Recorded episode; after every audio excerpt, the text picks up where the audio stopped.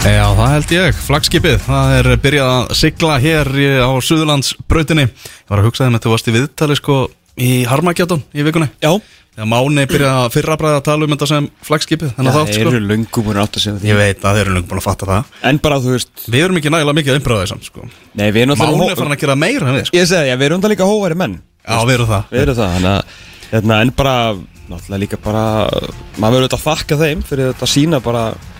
náttúrulega að að vissa auðmygt Því náttúrulega ekki að vera með þáttin í, þú veist, fimm, og Harmageddon. Frábær þáttur, sko. Mhm. Einhverja albæstu útastáttur síðustu tíu ára. Alltaf En- á skrifstofu fótbolta.net Bara tjúnaður í bát. Nákvæmlega, en svona er erfitt fyrir þá að, að, að halda upp einhverju flagskipsmerki þegar þeir eru nú fara í sko sex mánuða sumafrí, áttavegna jólafrí, þryggja mánuða páskafrí og svona skilur. Það er, það er ekki alveg nóg mikið svona continuity í Harmageddon. Þeir eru svolítið mikið í fríum strákandi sko. en kom alltaf endur nærið tilbaka og síðustu þættir búin að alveg frábæri sko. Já, en, en, en betur. flagskipið seglir á laugutum, það er Ah, klart. Siglir byrði 12 og 2 Alveg, og Tómas Þór með ykkur og, og þú ert líka skjá, á skjánum hérna inni Er það rétt? Þú og Bjarni Viðars er að spjalla hana Mm. Hvernig það- getið ég verið á tveimur stöðum? Arsenal Manchester United í, í dag Það er risalegur, hann er 17.30 Já, uppbyttu frá klukkan 5 með David Seaman. David Seaman að mæta maður Já, hann er nefnilega fjandi léttur sko Sá viðtalega um daginn hérna, svona stórtu viðtalega sem hann var alveg í, í rokna stuði Já, vel gert, vel gert Herðu í þættunum í dag, Davíð Snorri, hann er vantalega hérna til okkur á eftir eh, nýr landslistþjálfari undir 21 árs landsliðsins. Það er náttúrulega mót í, í mass og við ætlum aðeins að ræða um vormennina okkar, strákana okkar. Nýju formennina Já, já, bara hann og þetta verkefni sem að, sem að framöndan er, þetta verður, hressandi, svo kemur okkar sérfæðingur, Þóður Hákunarsson. Já, lead political analyst. Um, Einu, sko, einu maður með viti Í þessum uh, pólitíska fótbolta heimi þar sem að baktjaldamakkið er svakalegt allir í sínu hotni að reyna að þykjast að vera sem sagt, að, ná okkur framfyrir fyrir fótboltan en eru bara að ná í framfærir fyrir raskatið á sjálfum sér. Það er nákvæmlega þannig. Uh, en einhver staðar þurfa að ná samstöðu og það er ímislegt að gerast í þessu. Já, já, mögulega breytingar á mótahaldi, ætlum að ræða, ræðum þær við hann og svo er hann að fara af stað með skemmtilegt og áhugavert verkefni. Já, áhuga mennum íslenska fótboltanum þið viljið leggja við hlustir eftir þegar Þóri kemur að kynna þessa Já, hvað kvöldu þetta? Fyrirlesta röð Svona fyrirlesta röð svona Fjármál og fótbolti. Fjármál og sem Hann er aðeins búin að útskjara fyrir mér svona hugmyndana bak við þetta og eitthvað. Þetta er verulega áhugavert, sko. Já, það er náttúrulega er ekkert áhugaverðara nánast við íslenska knaspinu heldur en fjármálin þar sem að þau eru jú tabú Já. Þetta er það sem enginn má ræða. Engi má ræða þetta, en, en Þórir gera það samt. Já, sjálfsögðu. Og fá mann auðvitað líka aðeins til að svona líta eins og þú sagðir til eh, komandi ástings eh, Gunni er búin að bjóða sér fram það eh, menn kvappa einhvers staðar út í hotnum og svo þóra enginn á, á mótorum þannig að Gunni mun bara sitja aftur í, í tvö eða þrjú ár, ég veit ekki hvernig reglurnar voru með það, Það er ekki tvö. þú veist það eru tvö en hann var alltaf, var eitthvað til að um að breyta sér þrjú. Ég held að hún hef ekki verið samþýtt, Nei, hún var ekki en hvort að hún detti núna eða Já. og hérna allir í, í stjórninni sem að áttu að, eða svona, sem eru búin að vera í síðustu tvö ár, þeir bjóða sig fram áfram. Já, þannig að það er möguleika því að þetta verður bara algjörlega óbreytt og stóra málið verði algjörlega mögulega breytinga á, á fyrirkomulagi Pepsi Max dildarinnar En síðan stóra frétti líka um úr heimi Íslensk toppfótbolta sem við rættum nú hérna svolítið ítalega og grundigt með uh, Geir Þorstensinni fyrir viku síðan í mjög skemmtilegri heimsók þess ágæta Vesturbæings að hérna núna þegar að uh, hlutirnir eru virkilega að fara á stað hjá ITF sem er að fá markasréttindin og sjónvarsréttindin upp í hendunar að þá uh, er frangöndastjórinn sjálfur Haraldur Haraldsson að uh, stiga frá borðið. Ætlar ekki að vera áfram í, nei formaður fyrir ekki upp, ekki Jóhann alltaf frangöndastjóri Mhm. að hérna þrátt verið áskorunir sem svo sást í yfirlýsingu hann sem ég las á fótbolti.net í vikunni að þá allar uh, vikingurinn Haraldur Haraldsson ekki að vera áfram formaður. Þannig að það er Kveðjum Halla. Kveðjum Halla og nýr formaður fæði bara markas og sjónvarsréttindin beint upp í hendurna sko En verður nýr formaður Geir Þorstinsson Þættinu bara bref í morgun fyrir þátt. Já, Og- Vá, eru þið strax byrjað að dundrast inn? Það verður að er annað með. Og það segir hér Geir Þorstins Q ætla í formann ITF uh, Við vorum að ræða þetta svona nokkri félagarnir sko. Ég ákvaða að setja minn pening á að Sæfa Pétursson myndi fara í þetta. En ég, kannski verður það bara Geir, hver veit? Ég meina þú veist, það er að gera margt vittlisverð en að fá Geir Þorstensson í fórustu ITF Það En er, þú ert að gera grein fyrir því að þá er hann að fara að setja stjórnarfundi hjá KSI sko. Ég veit það, það er geggjað. Það verði Það er geggjað Það sko. verði litla veistla Eitthvað sem segir mér að, að svona öflin í, í fílabinsturðinu munu Þau munu allan aðeins hjálpast að við það að halda Geir hérna fyrir utan þetta. En gleymið því ekki að það er margt að segja um, um Geir Þorstinsson og, og bara, veist, og hefur svo sem margt verið sagt og, og skrifað um og rætt og reyta en þekkingin á fótbolta pólitíkinni og bara semst, knatsbyrnu umhverfinu bæði hér heima á elendis -hmm. að það hefur engin og sama hvað ykkur finnst að þá hefur engin meiri þekkingu en hann á þessum málum Það er bara staður það er bara staðrætt málsins þannig að þegar kemur að bara þekking og fróleika þá er hægt að gera margt vittlisur en að eh, setja Geir Þorstinsson í, í uh, formannsætið í íslenskum tófóltaðin hvort að það verði eða eftir að það áttur að koma í ljósu þetta Nákvæmlega. Eru Ísland orðið grænt land hérna á öllum kortum nema hjá okkur sjálfum, við erum ennþá með, með okkur appelsínu gull. Uh, eitt smitt greindist, innanlands í gær, var í sótkví. Við vorum náttúrulega að fagna svipum tölum hérna fyrir viku síðan. En samt á, á. En Tóti var nú eitthvað, hérna, saði nú bara í fyrsta sinn með berum orðum að hann var nú íhuga tilslaganir. Nú er bara komið tíma á það, í komandi viku. Nei, nei, kemur svo tverju vikur uppbútt.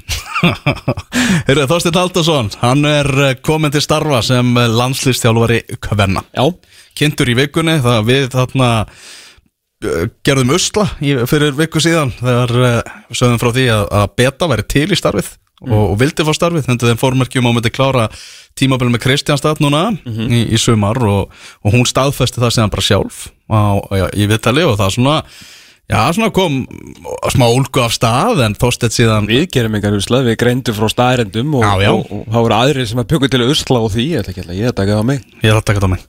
Þetta var Þorstein Haldarsson frábær, frábær kostur Heldur kemur hann á og Ási Haralds mættur aftur, þannig að það eru alvöru náttúrulega maður sem að þekkir þetta gjössalega út í, út í gegn uh, En hann þarf ekki að hætta með Kára. Nei, hann þarf ekki að, að hætta með, með káramenn Nei.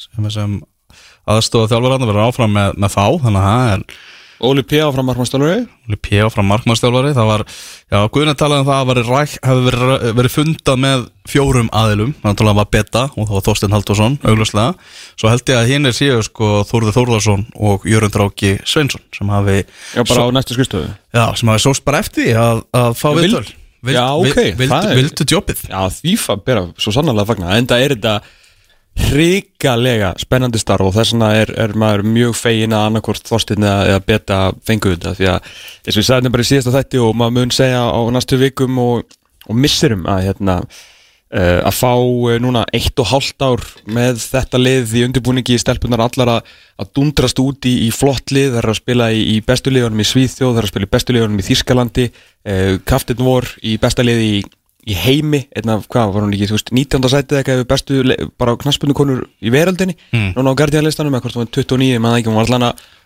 þaut upp þann lista Já, og í úrvalsliði UEFA sem að kosið af, lesendum Já, þannig að við, hérna, við fáum einn og fáum átjámániði viðbútt til að hérna, þróa markvörsluna, þú veist hvort að við náum að gera jafnvel Sesselju að, aðalmarkvöri eða hvað sem er, við fáum svo góðan tíma til undirbúnings með eh, þessar ungu og spennandi stelpur í bland við þessar reynslubólta og það er ef að eh, á spilunum verður rétt haldið þá er, er klálega hægt að gera eitthvað með þetta lið. Og það sem að Þorsteinn Halldórsson hefur sínt okkur hann er kannski aðalega, hann er langt bestur í að smíða fótballtalið mm. og hann er ótrúlega góður að finna hæfileikaríkja leikmenn sem er alltaf mjög þægilegt fyrir eh, landslýstjálfara að geta spotta talent og líka spotta hvað þú þart í liðin. Eh, ég er náttúrulega, ég bara þekki ekki nóg mér hann er náttúrulega, ég er ekki með reynslu á alþjóðlugu sviði, þú veist, það er það er starrend málsins, þar myndi maður halda að eh, beta hefði kannski svona aðeins meira fórskóta á hann. Þar sem hún kannski er í sterkari deild og þekkir kannski betur til þessara sterkur leikmanna eh, einhverja síður, þú veist, náði í þrjá Íslandsmeistra á sex árum en maður ætla að koma í ljós hversu sterkur svona þjálfari, taktist hann er þegar hann að fara inn í þennan svaka heim og ekkit eðlilega flott verkefni sem að gáði sér í græja fyrir stelpunar, þetta mót Fraklandsæðingamótið, rosalega flott og fáum kannski strax að sjá þar svolítið hvar liðið stendur og hvar kannski hérna, steini stendur líka. En og, og ég ánægð með yfirlýsinguna en bara ætla sér á háum bara fyrst í þjálfurinn sem bara strax bara búm, markmið. Eitthvað til að stefnað Já, fyrsta kvennalansliði til að komast á háin Já, já ég var ríkala, ríkala ánægð með það. Ég var er bara- aðeins minna ánægður með ég sá viðtalarna við hann á, á, sem að Sindri Sverris tók á fyrir stöð 2 og vísi sem að Sindri var svona vitna í orð sem hann let falla og hann svona hann hans að skjóta eitthvað á Sindra að hann hefði tólkað þetta eitthvað ránt og tólkað þetta ekki ránt Þú veist, Þorsteinn mætti náttúrulega í sjónvarps útsendingu beina og sagði frá því að hann hefði fengið símtal bara til þess að fá símtal frá KSC sem hann var ósáttum með. Já, og þú breytir ekki sögunni núna bara því þú ert orðin þjálfari skilur já, já. Þannig hérna, en, en þú veist, það skiptir einhver, auðvitað skiptir Já. öllum máli bara hvað hann gerir út á, á vellinum Það var fleiri verið að fá núna í þessu þjálfaraferli á KSI símtöl bara til að fá símtöl. Einmitt. Bara þannig. En, en skemmti hérna flott ráning og hérna, og, og ef það var einhver hérna heima sem átti þetta skilið þá var það hann, nummer 1, 2 og 3 mm Ég get alveg séð það að hann verði bara heil lengi í þessu starfi. Hann getur líka séð. Já, Ég bara sást líka kveðuna frá Eistinni og Breiðabliki. Svakalega lofraða þar og það sem maður hefur bara heyrt úr, úr kópáinu, bara hrikalega vel myndin og bara svona heilsteiftur og, og flottur maður sem að hérna, og ég var líka ánæði með það sem hann sagði einmitt í sama viðtáli ég var að vitni að honum fannst hann bara ekki vera tilbúin síðast þegar starfið var löst og nú hefur hann bara gert meira, ég meina búin að koma liðinu áfram í, í Champions League þegar að segja breiðablísliðinu, búin að vinna fleiri titla sjá fleiri leikmenn, stýra fleiri leikjum. Hann er bara reynslu meiri þó það sé þó bara á, á íslensku vettvangi með smá Champions League líka. Mhm. Og svona reyn, reynslu mesti þjálfari sem er ráðin í kvannavansli ansi langa tíma eins og við þessu sem var að taka, taka saman. Þetta er mest allt bara 30-40 ára þjálfara sko. Mm -hmm. frábápunktur, frábápunktur verkefni fyrir unga þjálfara að svona einhvern veginn sækja sér reynslu með því að þjálfa liðið, nú fær bara liðið reynslu mikinn þjálfara. Sem á bara að vera algjörlega tilbúin. Já. Herðu, Jörgundur Áki, efstur á blaði blika. Heyri maður úr Kópavæðinu Í hvernig liðið? Já, Já, það finnst mér ekki skrítið. Það getur kannski, þú veist, fyrst að þeir fengu ekki hérna skadabætur borgaðar í, í peningum þá kannski fáðu bara þjálfara frá úr lögutanum Þú okkur fengur ekki pening? Það, hann sagði að það bara guðnaði að það hefur leist með öðrum hætti heldur en var gert með, með eðsmára og FA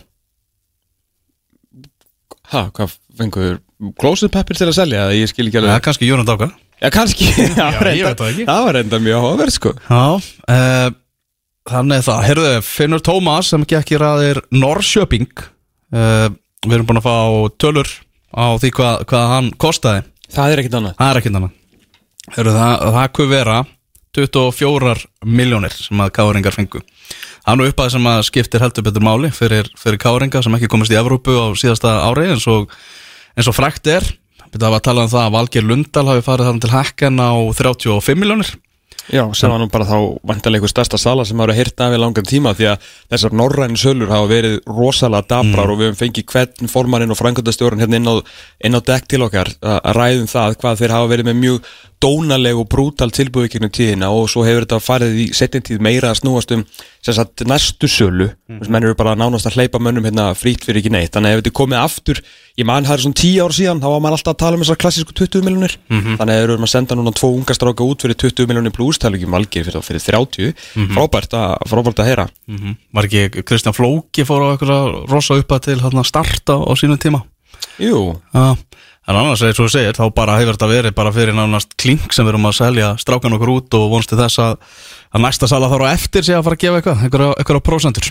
Já, ég meina enda erfið trátt fyrir allir sko hverjum þykir sinn fugl fagur og allt það en þegar þú, svo bara hvernig heldur að sé fyrir fyrir Agga og, og Óla Garðars og, og þessa gæja sem er að, hérna, að koma þessum strákum út í atvinnumennsku. Þeir þurfa að hérna, þeir eru að selja leikmenn úr þriðju lélegustu deild í heimi. Við þurfum aðeins stundum að, að líta inn á við og, stoppa og sjá heldar myndina sko. ef þú ert góður í Pepsi Max deildinni á stærri á stærra kaliber, þá skiptir það rosalega litlu máli, þannig að það er svolítið erfitt að vera að heimta kannski einhverjar svakalega, er erfitt að heimta svakalega pening fyrir skilur bestu eða jafnvel bara efnilega leikmenn í jafn lélegri deild og við erum á pappinu núna skilur, við elskum þessa deild en staðrindin er alveg frekar auðljum sko. þannig að, hann, en, þú veist, þetta eru tölur sem fannir að heyra aftur, bara hrikalega flott og bara spennandi líka fyrir Finn Tómas en að vissuleiti líka áhugavert að fá múfið núna, þú veist, eftir kannski ekki alveg sitt besta tímbil Já, og það meðsli mikið að vissulega, vissulega, vissulega en, Þannig að þeir hafa verið að fylgjast með honum vantilega bara í, í, í lengri tíma sko. það er ekki nokkuð spurning og frábær, frábær leikmaður sko. Skemmtilegu líka, hann er alltaf eitt af okkur skemmtilegri viðtölum svona síðasta árið eða svo, lítur að hafa verið hann Já, þegar við fengum Arnósvein til að draga hann hérna inn í fiskabrúri til Já. okkar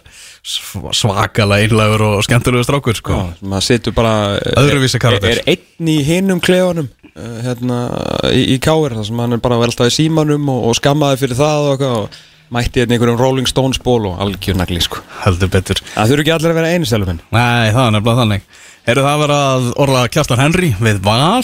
Herru, sko ég, ég Þú vilt banna þetta. Þú vilt þetta verið stoppað. Veistu það, það ég er á báðum áttum með þetta. Í fyrst, fyrsta sig hugsaði var bara, herri, ok, það sem er gert í, í hérna hjá mínum mönnum í bandaríkjunum, hjá samlöndum mínum þar, Major League Soccer, að þar eru, þú veist, þar er náttúrulega miðstýring á deildinni og sem sagt, yfir, eða bara, sem sagt, MLS deildin skiptir sér af félagaskiptum. Þú veist, ef að það er einhver ensku, bandarísku landsliðsmaður til þess að koma heim með einhver Þískalandi, þá vil, vita þeir alveg hvert þeir vilja fara. Og þeir geta alveg bara slögt á félagaskiptum ef að þeim líst ekkert á þetta. Ég var eiginlega bara á því að Guðni, reynda valsmaður, hann er aldrei að fara að gerast En að stjórn KSI muni bara þurfa neyðast til þess að blokka þessi félagskipti Því að þetta bara meikar ekkert sens. Alltaf þú að horfa á Kjartan Henry Finnbóðason sem er svona álíka mikið vestubær og þú veist melabúðin og kaffi vest. Alltaf þú að horfa hann á hlýðarenda bara, bara rauður og glaður. Já. Það meikar ekki sens Já. Aftur á móti, auðvitað verður þetta náttúrulega bara bæn, sögulína sumarsins. Kjartan í rauðu, hvernig heldur að Valur káir leikurinn verði? það, veist, það er bara þrjúðus mann sko.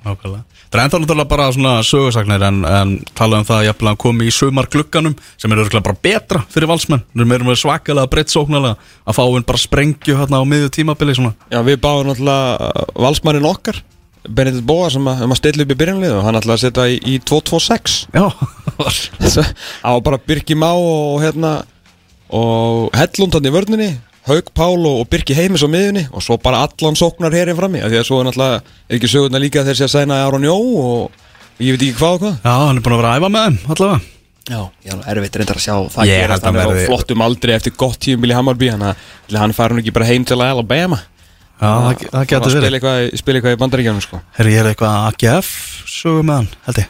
Nú fara Fyrst heim? fyrst þú minnist á það Það er eitthvað, eitthvað saga sem er að Það sem ganga. þetta allt sem hann byrjaði. Já, Það gef nákvæmlega. náttúrulega aftur orðið Það lið sem er eiga að vera Þú veist, þeir eru aftur, þú veist, þeir eru góðir, skilur Það Mhm. gef náttúrulega hjúts lið sem er náttúrulega með svartabeltið í óstjórn á einu fótboltafélagi Já. að hérna Já, ég veit ekki, þú veist, auðvitað verður mjög skemmtilegt fyrir dildinni ef að kjartan Henry fyrir val en ég bara ég held að þessum sögum sé svolítið svona að sé aðeins verið að planta þeim hér og þar þar til að einhver gæinn í meilabúðinni í selskinsfrakkanum bara mun trompast og bara herðu ég bara græja þetta Kallar á fund á, á Kaffi Vest Já, og, og bara, herru, stráka, hvað eigið þið mikið pening? Uh, við hefum heim í Vesturbænum, við hefum fullt af peningum Herru, hefur það ekki bara að passa að þetta gerist ekki? Já, nákvæmlega Ég mun ekki trúa því að Kjartan Henry fær í val fyrir en ég sé hann setja Olbúan í Olbúan við uh, Heimi Guðjónsson Já. Valsmenn verður með, með 18 manna daga núna hvað, er ekki tvisar í viku 9 til 16 bara allir á svæðinu og, og Alltaf Gaup ekkert að í einslæða Þetta er rosalegt sko. Hver að fá einslæðið? Já, nákvæmlega, heimsækja á hana er að borða í, í hana, borða í fjósinu og, og hafa það gott sko. Mér finnst það geggja Já, Þeir eru bara hlaðið í eitthvað súperlið sem að æfir þessu atvinnumenn. Nú erum við að fara að sjá lið. Nú þurfum bara að vera örlítið hefnir með hérna, dráttin í Európu og þá fáum við lið loksins í riðleikjafni Európa-deildar Ég hef fulla trú að þér. Eru góða fréttir. Í setnipartin í gær Tómas Ingi Tómasson komin í Pepsi Max-deildina aðstofu þjálfari fylgismanna Ég skal segja ykkur það sko. En þá missið hann samt úr þessi mörgunum Já, það er enda rétt sko. Við missum að það. Það var, hann var, ó, það var gaman að fá hann aftur í sumar maður. Já, En líka, hann, hérna, auðvitað finnst þú líka gaman að þjálfa og ég held að hann, hann, hann alltaf brann alveg rosalega fyrir þess að þjálfun og ég held að hann vilji bara, hann alltaf búin að vera í rosalega miklum uh, veikindum og hérna með, með mjöminn á sér og, og síkingun út frá því. Og, hérna, og ber þessu þetta náttúrulega uh, merki í dag en en verður náttúrulega frábært fyrir hann ef hann getur komist aftur í, aftur í þjálfun, sko, það er ekki spurning. Nákvæmlega. Uh, Annað eitthvað, jú, Hjörstur Hermánsson var að tala um það að leikja Vassjá síðan svona að fara að spýta í lófana að reyna að fá hann til sín frá, frá Bröndby búin að var orðaði við á fyrr í vettur en þeir allir núna að, keira á það að, að fá hann, leggja meira, enn meira áherslu að krækja hann. Hvað sér, Hjört Hermanns? Já, Það er ekki amalegt múf það er bara þannig. Ég hef aldrei verið að prættur á fótballtaleik og F á leikið að varsja Það var alveg bullu stemning sko. Það Má var- fastur hérna upp í hotninu í gamla skúrnum í gömlu stúkunni á hérna F á með sko ég veit ekki hvað voru margir pólverar á, á vellinum sko og þeir voru veist, Það var upplifun maður. það var upplifun. Já.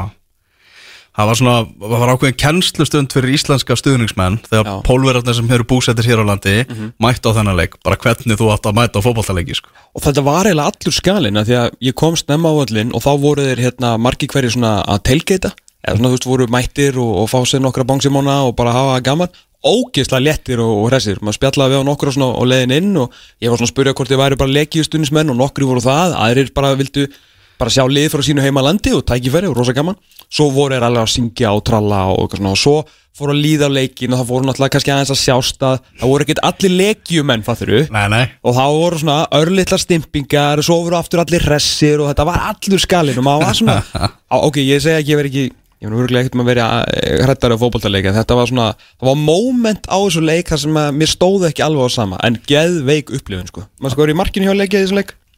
Herru, hver var það áttur? Lukas Fabianski, Já, Fabianski var í markinu, alveg rétt. 19 ára gammal til Já, akkurat. Herru, það er uh, hátæðisleikur Evertón Newcastle Gilvi í byrjunarliðinu aftur hjá Evertón-munum Já, það var náttúrulega geggja grín hjá Ancelotti að hafa hann á bekknum hann gegn Lester Var þetta ekki bara eitthvað svona kvildar eitthvað, Jú, dreifa álæðinu eitthvað? Pottet sko, ég hef samt frekar kviltan í þessum leik og nota hann á móti Lester en náttúrulega hefðu unni leikin ef ef Jordan Pickford væri með full mótaðar hendur Það er svolítið þannig. Herru, Davíð Snorri er komið til okkar og ætlum að heyra í honum eftir smá stund. Já, það held ég stórflómsöndin Soma hér á X977 og það eru tíðandi heldur betur á þeim því að þeir eru ný, nýttu hérna COVID-pásuna núna? Eru búin að koma saman aftur og eru með, á leiðinu með nýtt efni og endurkomu og tónleika og allt þegar heimurinn verður eðlilegur og ný? Já. Það eru stórtíðandi, ég skal segja ykkur það.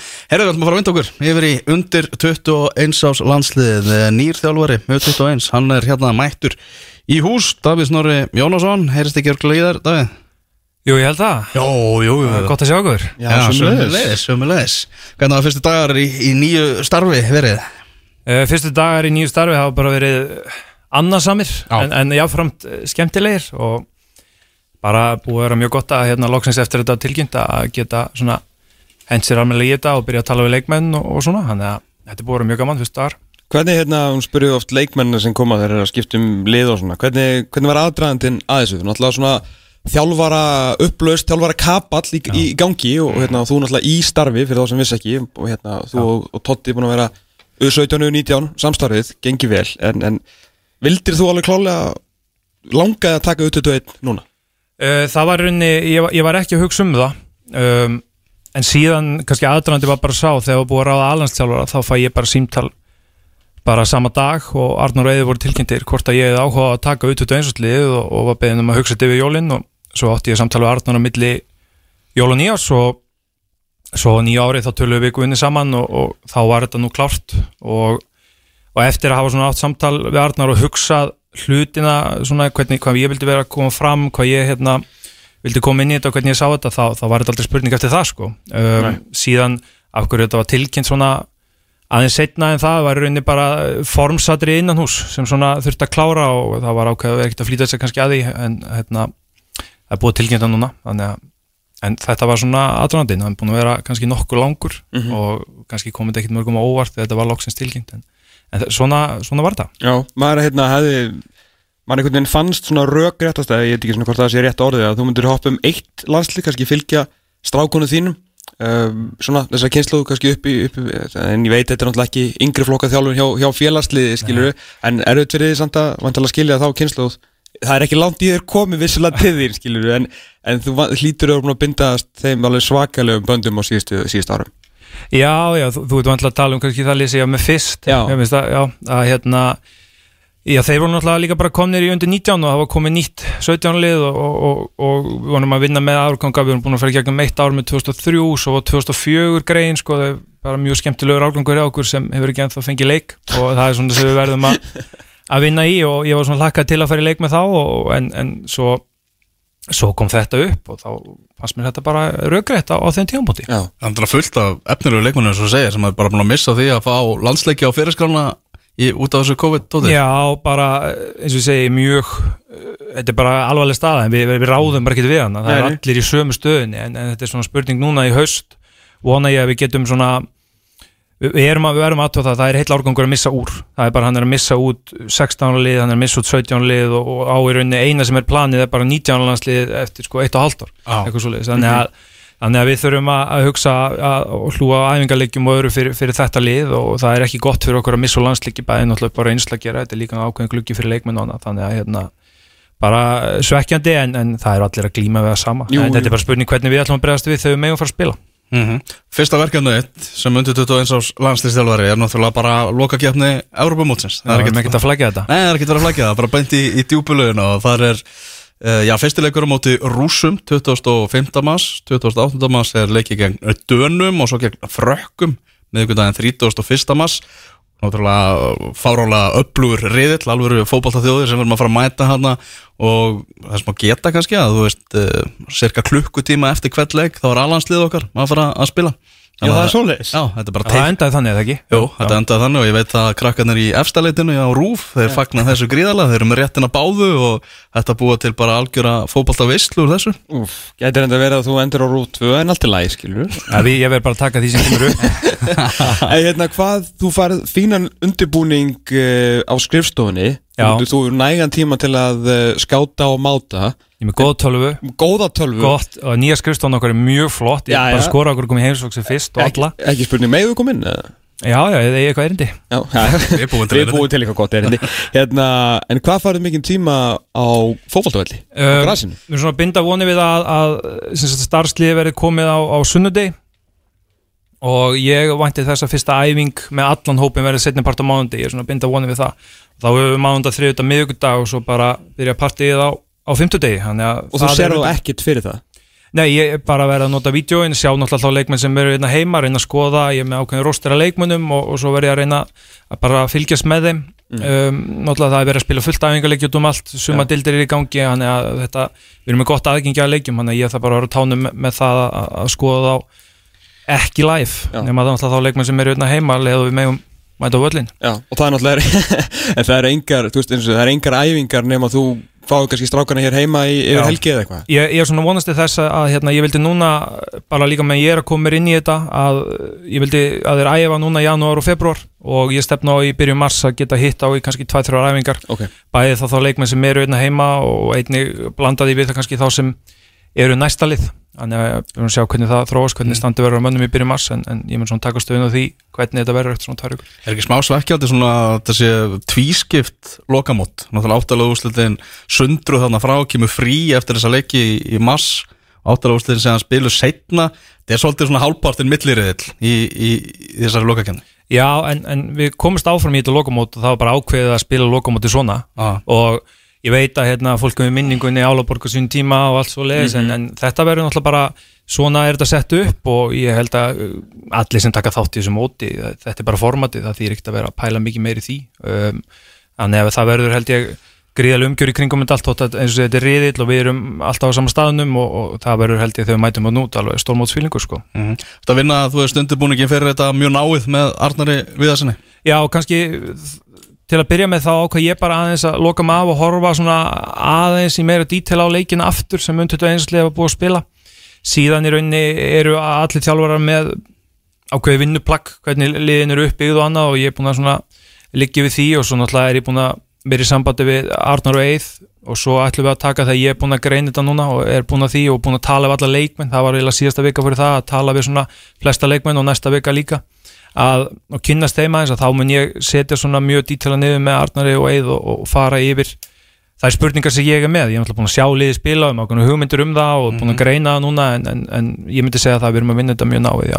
En hvað, verður breyting á þessu? Þetta er náttúrulega er mjög áhugaverð staða og kannski ekkit endilega frábær að þjálfarinn sem að kemur liðinu og þjálfararnir sem að koma liðinu mótið sem eru vantilega búin að búa sér til þeir eru með sína hugmyndafræði og tölur og heldur betur um það þegar þeir voru síðan að ránir aðlandsliðsjálfarar þeir verðast verið með mjög skýra hugmyndafræði um hvað þeir vilja gera innan og utanvallar sem er þetta frábært. En þú ert það líka, Menna, þú ert ekki orðin undir 21 landsliðsjálfari sko, hérna, fyrir færtut á þess að hafa vera með mjög fastmótaða stefnu og hafa gert eitthvað vel. Ég meina, eh, þú hlýtur að þurfa að setja eitthvað mark á liðið en samt sem áður máttur nú vantilega ekki víkja of langt frá því sem að þeir eru búin að gera Já, ég, ég, hérna, ég skil þessar pælingar mjög vel og eðlilega, þetta er mjög eðlilega spurning og fótboltin er alltaf þannig að hann getur verið mjög skrítan á köflum og þetta er náttúrulega aðtiklega staða. En Ja, þetta er staðan og, og hvernig ég hugsa þetta er að þetta er unni tvíþætt fyrir mig. Að við erum á, á, á, með liði í höndunum sem er búin á frábæra mánangri og komið í lokakefni og er búið að ná, sérstaklega núna í haust fannst mér, búið að þróa leiksinn gríðarlega vel og eru mjög sterkir í ákveðum þá, þáttum leiksins og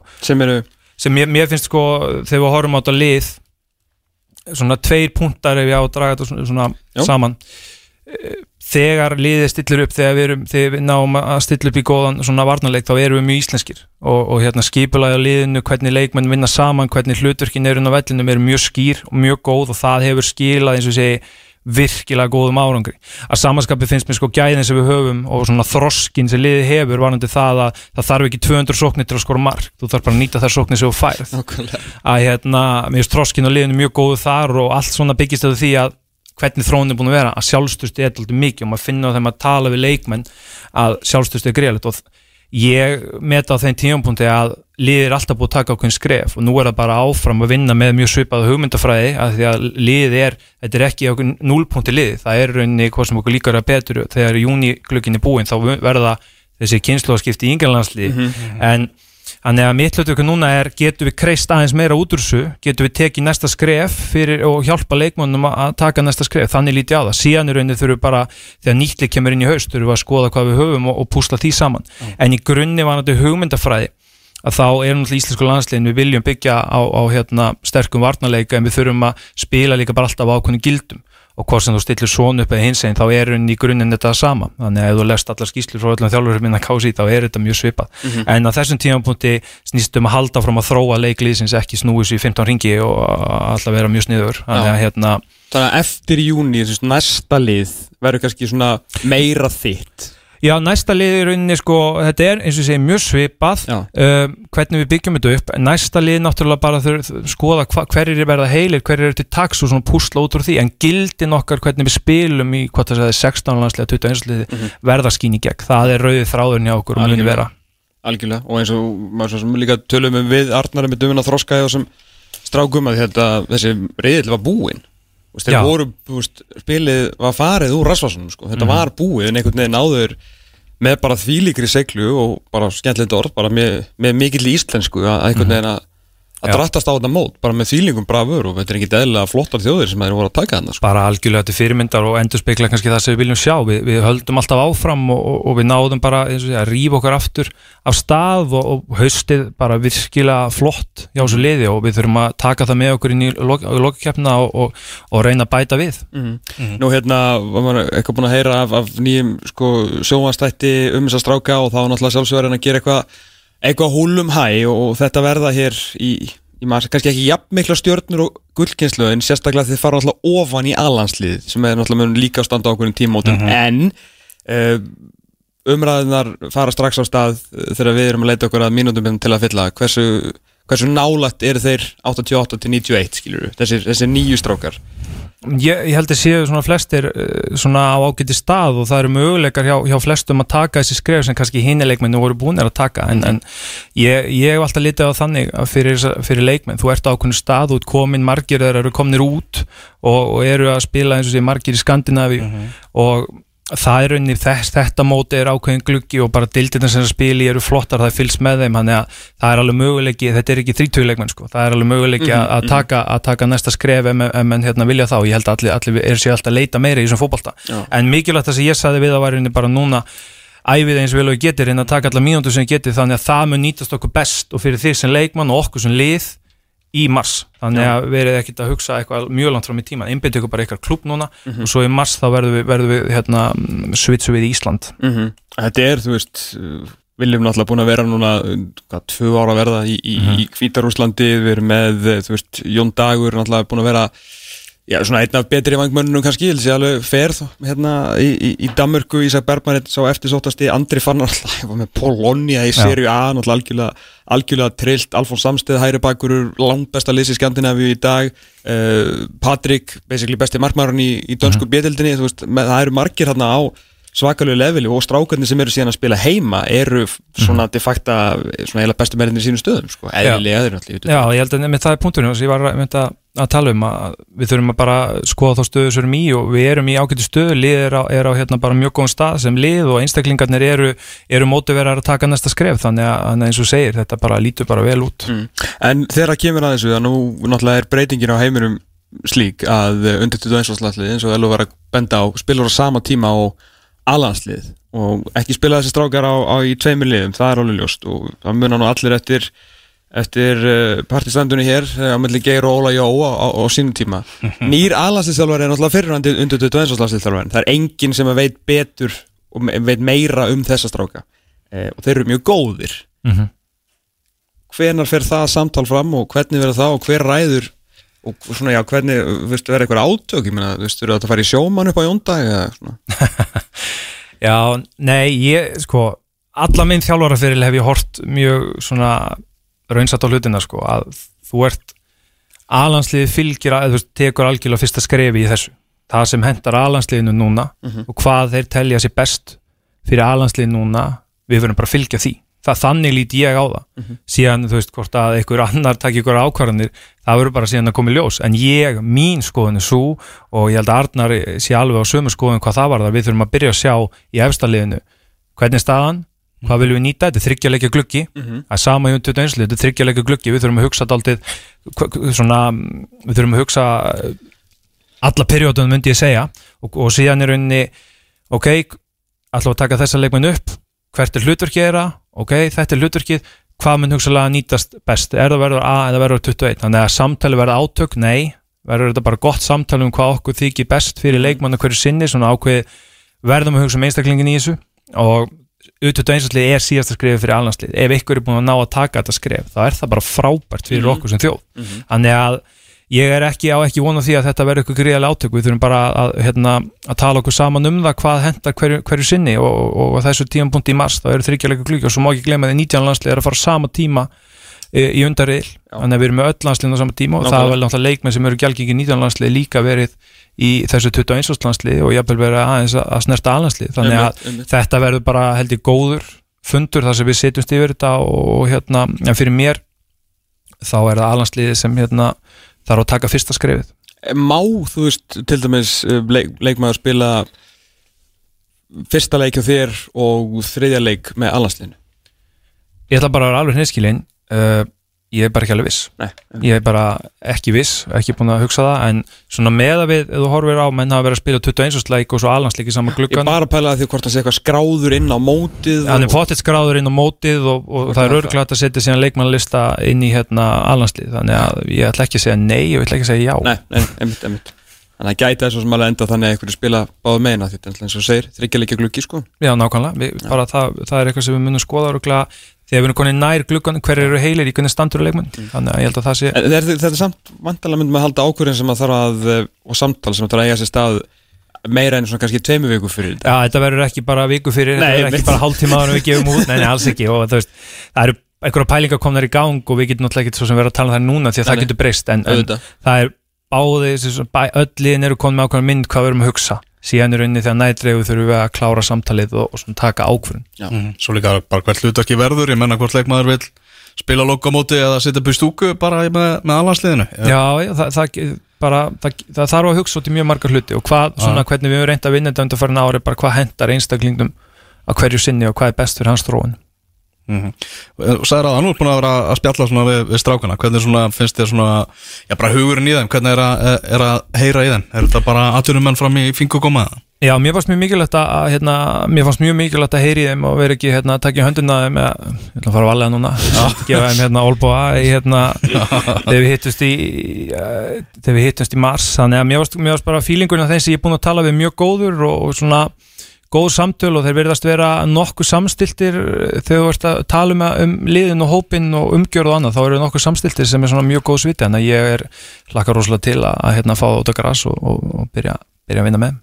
Eru þetta, það er nú alltaf gullkynsluðin þegar hún uh, fóð með okkur á stormót og þá var það náttúrulega höllunum að þakka Já. glemdist kannski í, allra, í, í því samtali hvenar þar voru beigðar Já, uh, og á margir af þessum leikmönum náttúrulega búa því að hafa kynst til dæmis möl og, Mhm. og svona roki og regningu og eru því karaktera skilur eru þetta hinn raunverulega er að hallirna fái hérna loksins krediti Já. sko. um, það eru einhverjir aðeim náttúrulega búin að vera mikið í höllum og, og margir hverjir eru að spila svona sýningaflokka fyrir inn í höllum mikið sko. þannig að En finnst þér svona á, án gríns bera þér þess merki, bara er varðar veist, tekník versus kannski Já, mér tæknileg, tæknileg hlutin eins og segja, hann, hann er mjög góður og það getur náttúrulega hjálpa, ég held líka bara almennt hvort þessi höll eða ekki, þannig bara yngri flokka þjálfun er góð Já, hjá okkur vissulega. og hún hefur líka bara orðið betri að mörgu leiti, þannig að og svona ímyndstætt sem spilar inn í þannig að já, alveg eins en líka bara það að hvernig leikurinn sjálfur er að þróast og hvernig, með, hvernig fyrirmyndi manna eru Mhm. ég held að það spil líka mikið inn í hvernig sinna, þessi tæknilegi hluti leiksins er, er hjá þessum leikmennum sko Já, emmitt, emmitt Hvernig er hérna, þú veist, staðan á leikmannahópnum varðandi hvað eru að spila? Eru, eru allir að spila nægilega mikið? Já, það er náttúrulega mikið hérna, núna er náttúrulega bara mikið um undirbúinstíðanbili og við erum með marga leikmenn eins og segið, það er Norugur, það er hérna, Svíþjóð og Ísland og, og hérna, Danmörk. Þannig að það er náttúrulega bara undirbúinstíðanbili þannig að á þessu tíðanbúndi eftir samtölu við marga leikmenn er náttúrulega bara mjög hart undirbúinstíðanbili í gangi, mikið æfingaleikjum og liðin er að spila eins og segið kannski tóleiki viku. Þannig að það er, þeir, það er allir að fara í gegnum svona erfiðustu periódna núna og menn er að taka mínútur og, og þannig að staðan er held ég bara eins góð og hún getur verið á þessum tíðanbúndi á hverjum einum þannig að og deildið að byrja hérna annarkot eins og segir rétt fyrir eða, eða þá eftir mótið þannig að, þannig að það er raunin staðan á hópnum Mm. Uh, helsti markaskórin, Sveitnar Rón Guðjónsson hann er, hefur hins vegar ekki kannski verið að fá nægilega marga mínútur hjá, hjá OB uh, Er það áhugjörni? Ég, ég held að segja, nú er undirbúinist tímabilið og, og hann hérna, ég átti gott samtölu hann og, og, og hann er bara á fullu að hérna æfa og, hérna, og taka það mínútur sem er í bóði og nýta þær vel og, og vonandi mun það mm. skilunum inn í þegar mótið byrjar og, og bara, hann var, hann var að segja bara, bara nokkuð jákvæður á, á það sko. Mm. Hann er alltaf að smell passað inn í þetta undir þetta eins ás Já, búin að skora góð mörg og, og hérna búin að standa sig gríðarlega vel mm -hmm, Algjörlega Er eitthvað hverju munurinn á að þjálfa U17 og U21? Bara að, að taka þetta skref að fara í svona já, eldri leikmenn sem eru margi hverju bara orðnir aðdurumenn Já, mér, mér hefur þótt sko væntum undir 17 levelið uh, sko, að það var kannski svona mest mín ábyrgð og þótt ég hef náttúrulega líka verið í öllum 19 verkefnum en, en svona í undir 17, ég líti á þetta aldrei svona eins og fyrsta bekk Mm. ef þú klúrar fyrsta bekknum, Já. þá getur þú orðið vesinn í restin af skólagöngunni sko þannig að hérna Þú lærir aldrei að lesa mér Já, til dæmi sko, við ætlum ekki að fara þangað núna. En það hérna, sko, undir 17 er aldrei svona, við þurfum að að taka skrefið og leifa þeim að að læra að vera landslísmenn um, varandi umgjörna að nýta alla þá umgjörn, menn er ekkit vanið því að séu svona mikið af starfsfólki og, og, og það sé kannski að spila þrjáleiki og viku sem eru hörkuleikir, þannig að það er svona daldið að kenna, daldið að læra inn á umhverfið. Uh, 19 landslík kemur svo meira inn á, inn á hérna, að við vorum konið aðeins hærra. 21 slið snýst náttúrulega rosa mikið um framistu við eigum ekki þurfa að adressa og mikið af þessum grunnadröfum sem eru í yngirlandslinni að kenna, þetta er bara stíi og ég held að það veri svona helsti munurinn að, hérna, við eigum að geta sett við settum mikla kröfur á við setjum mikla kröfur á 17 og 19 liðu þannig að við geta farið ennþá lengra og svona, það er alltaf pláss fyrir mistök en við þurfum að við þurfum að hérna, halda fram að vinna og þróa okkur þarna og, og mér finnst svona framistæði þar sem þetta snýst um þarna að við náum góðum framistöðum og, og við nega að vera komnið með svona fullt í bankan varandi úr yngrelandslánum þarna uppi ég held að það sé svona stæðsti munin og þú ert ekki að þurfa að vera aðrisa grunnadriðin í, í öllu svona setupin á landsliðinu mm -hmm. og við veitum náttúrulega er þetta atunmenn, þeir eru fann að læra betur inn á líkamann sinn, þeir eru fann að læra betur hvað henda þeim og það þarf alltaf að hugsa um það þannig að allir geti lappað inn á völlin klári í slæn Hvernig er teimið hjá þér í, í kringulið? Er búið, að- er búið að setja það saman? eða?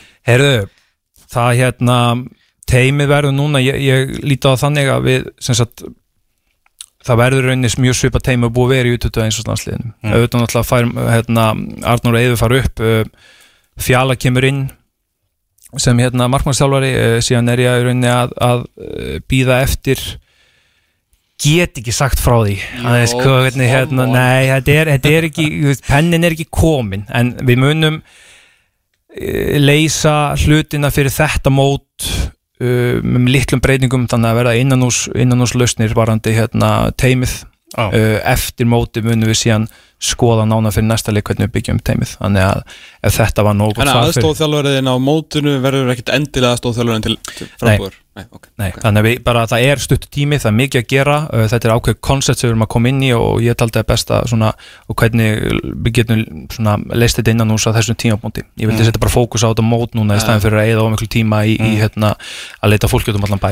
En, en En er þetta þú sem fara ábyrðin á, á að velja Já. fólki í kringu? já, það er hérna, ég, ég tek þar ákvæmnir Já. Hversu hérna, við höfum oft verið að tala um svona teimi kringum aðlandsliði og náttúrulega umgjörðin hefur batnað en við erum samt alltaf, skilur svona átján jakkafatagæm frá því að vera á sama stað og Ítalía, hvernig er þetta og með U21 eða bara yngri landsliðin okkar, þú veist, þegar þið er að fara að spila við bara U17 og U19 lið, þú, þú og Tóti hafa verið á, á ferð og flugi. Þú veist, eru þið alltaf tveir með, þú veist, eitt kennar og sjúkurþjálfara og markmannstjálfara og eru, þú veist, eru undir 21 þjóðurnar líka með veist, einhver 20 manna teimi, erum við langt frá þessu líka? Já, ef við horfum til dæmis á það, sem við erum að fara í núna Já. sem eru stæðstu þjóður í Európu að spila og bestu, bestu hérna, fótboltaþjóðurnar á þessum tíðanbúti menna við vorum í, með undir 17 liði út í Þískan það voru 26 starfsmenn. Hjá þjóðurum? Hjá þjóðurum.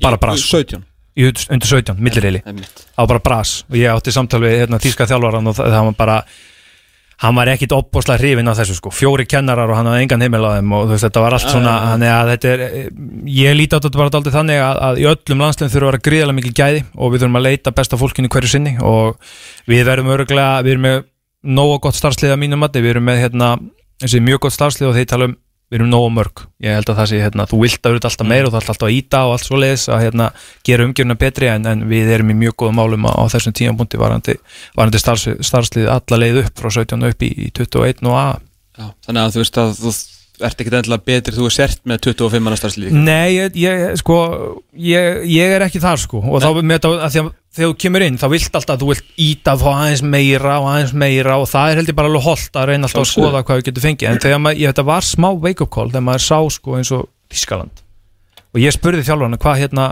hvað á máli, hann sagði við erum Þískaland við erum bara bestir og þess vegna erum við með flesta í starfsliðinu og við erum með besta starfslið.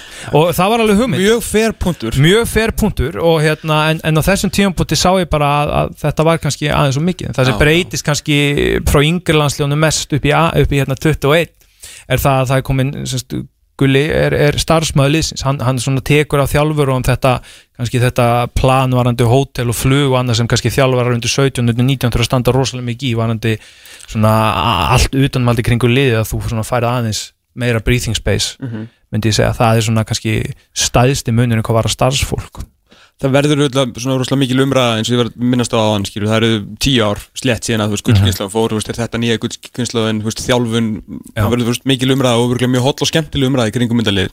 En það sem kannski gleymist er að, að það er ekki eins og við höfum verið í einhverju hildýpi þess á milli. Uh, ég lísti hérna Úkrænuleiknum, þar sem vorum grátlega fara, eh, grátlega langt, stutt frá því að fara á annað stormót þess að við töpum lokaleiki riðli og Mhm. svo náttúrulega fórum við umspil gegn, já heila gullkynnslóð, Danmerkur Mhm. uh, á undan því ef maður réttreikarna eftir því Já. uh, það sem að, þetta er að Holbert held hann að vera búin að koma okkur áfram sem er svona ennþá eitt að finna sem ég sé en, hérna, en, en allt í góðu, ég meina þú veist Eyjólfur fyrir utan sko eftir, liðið eftir EM þarna Jála Borg náttúrulega var algjör hörmung þú veist, bara datt niður þar svo er hann einum leik frá að koma okkur stórmót sko tvær kynnslöfur Já. í röð sko.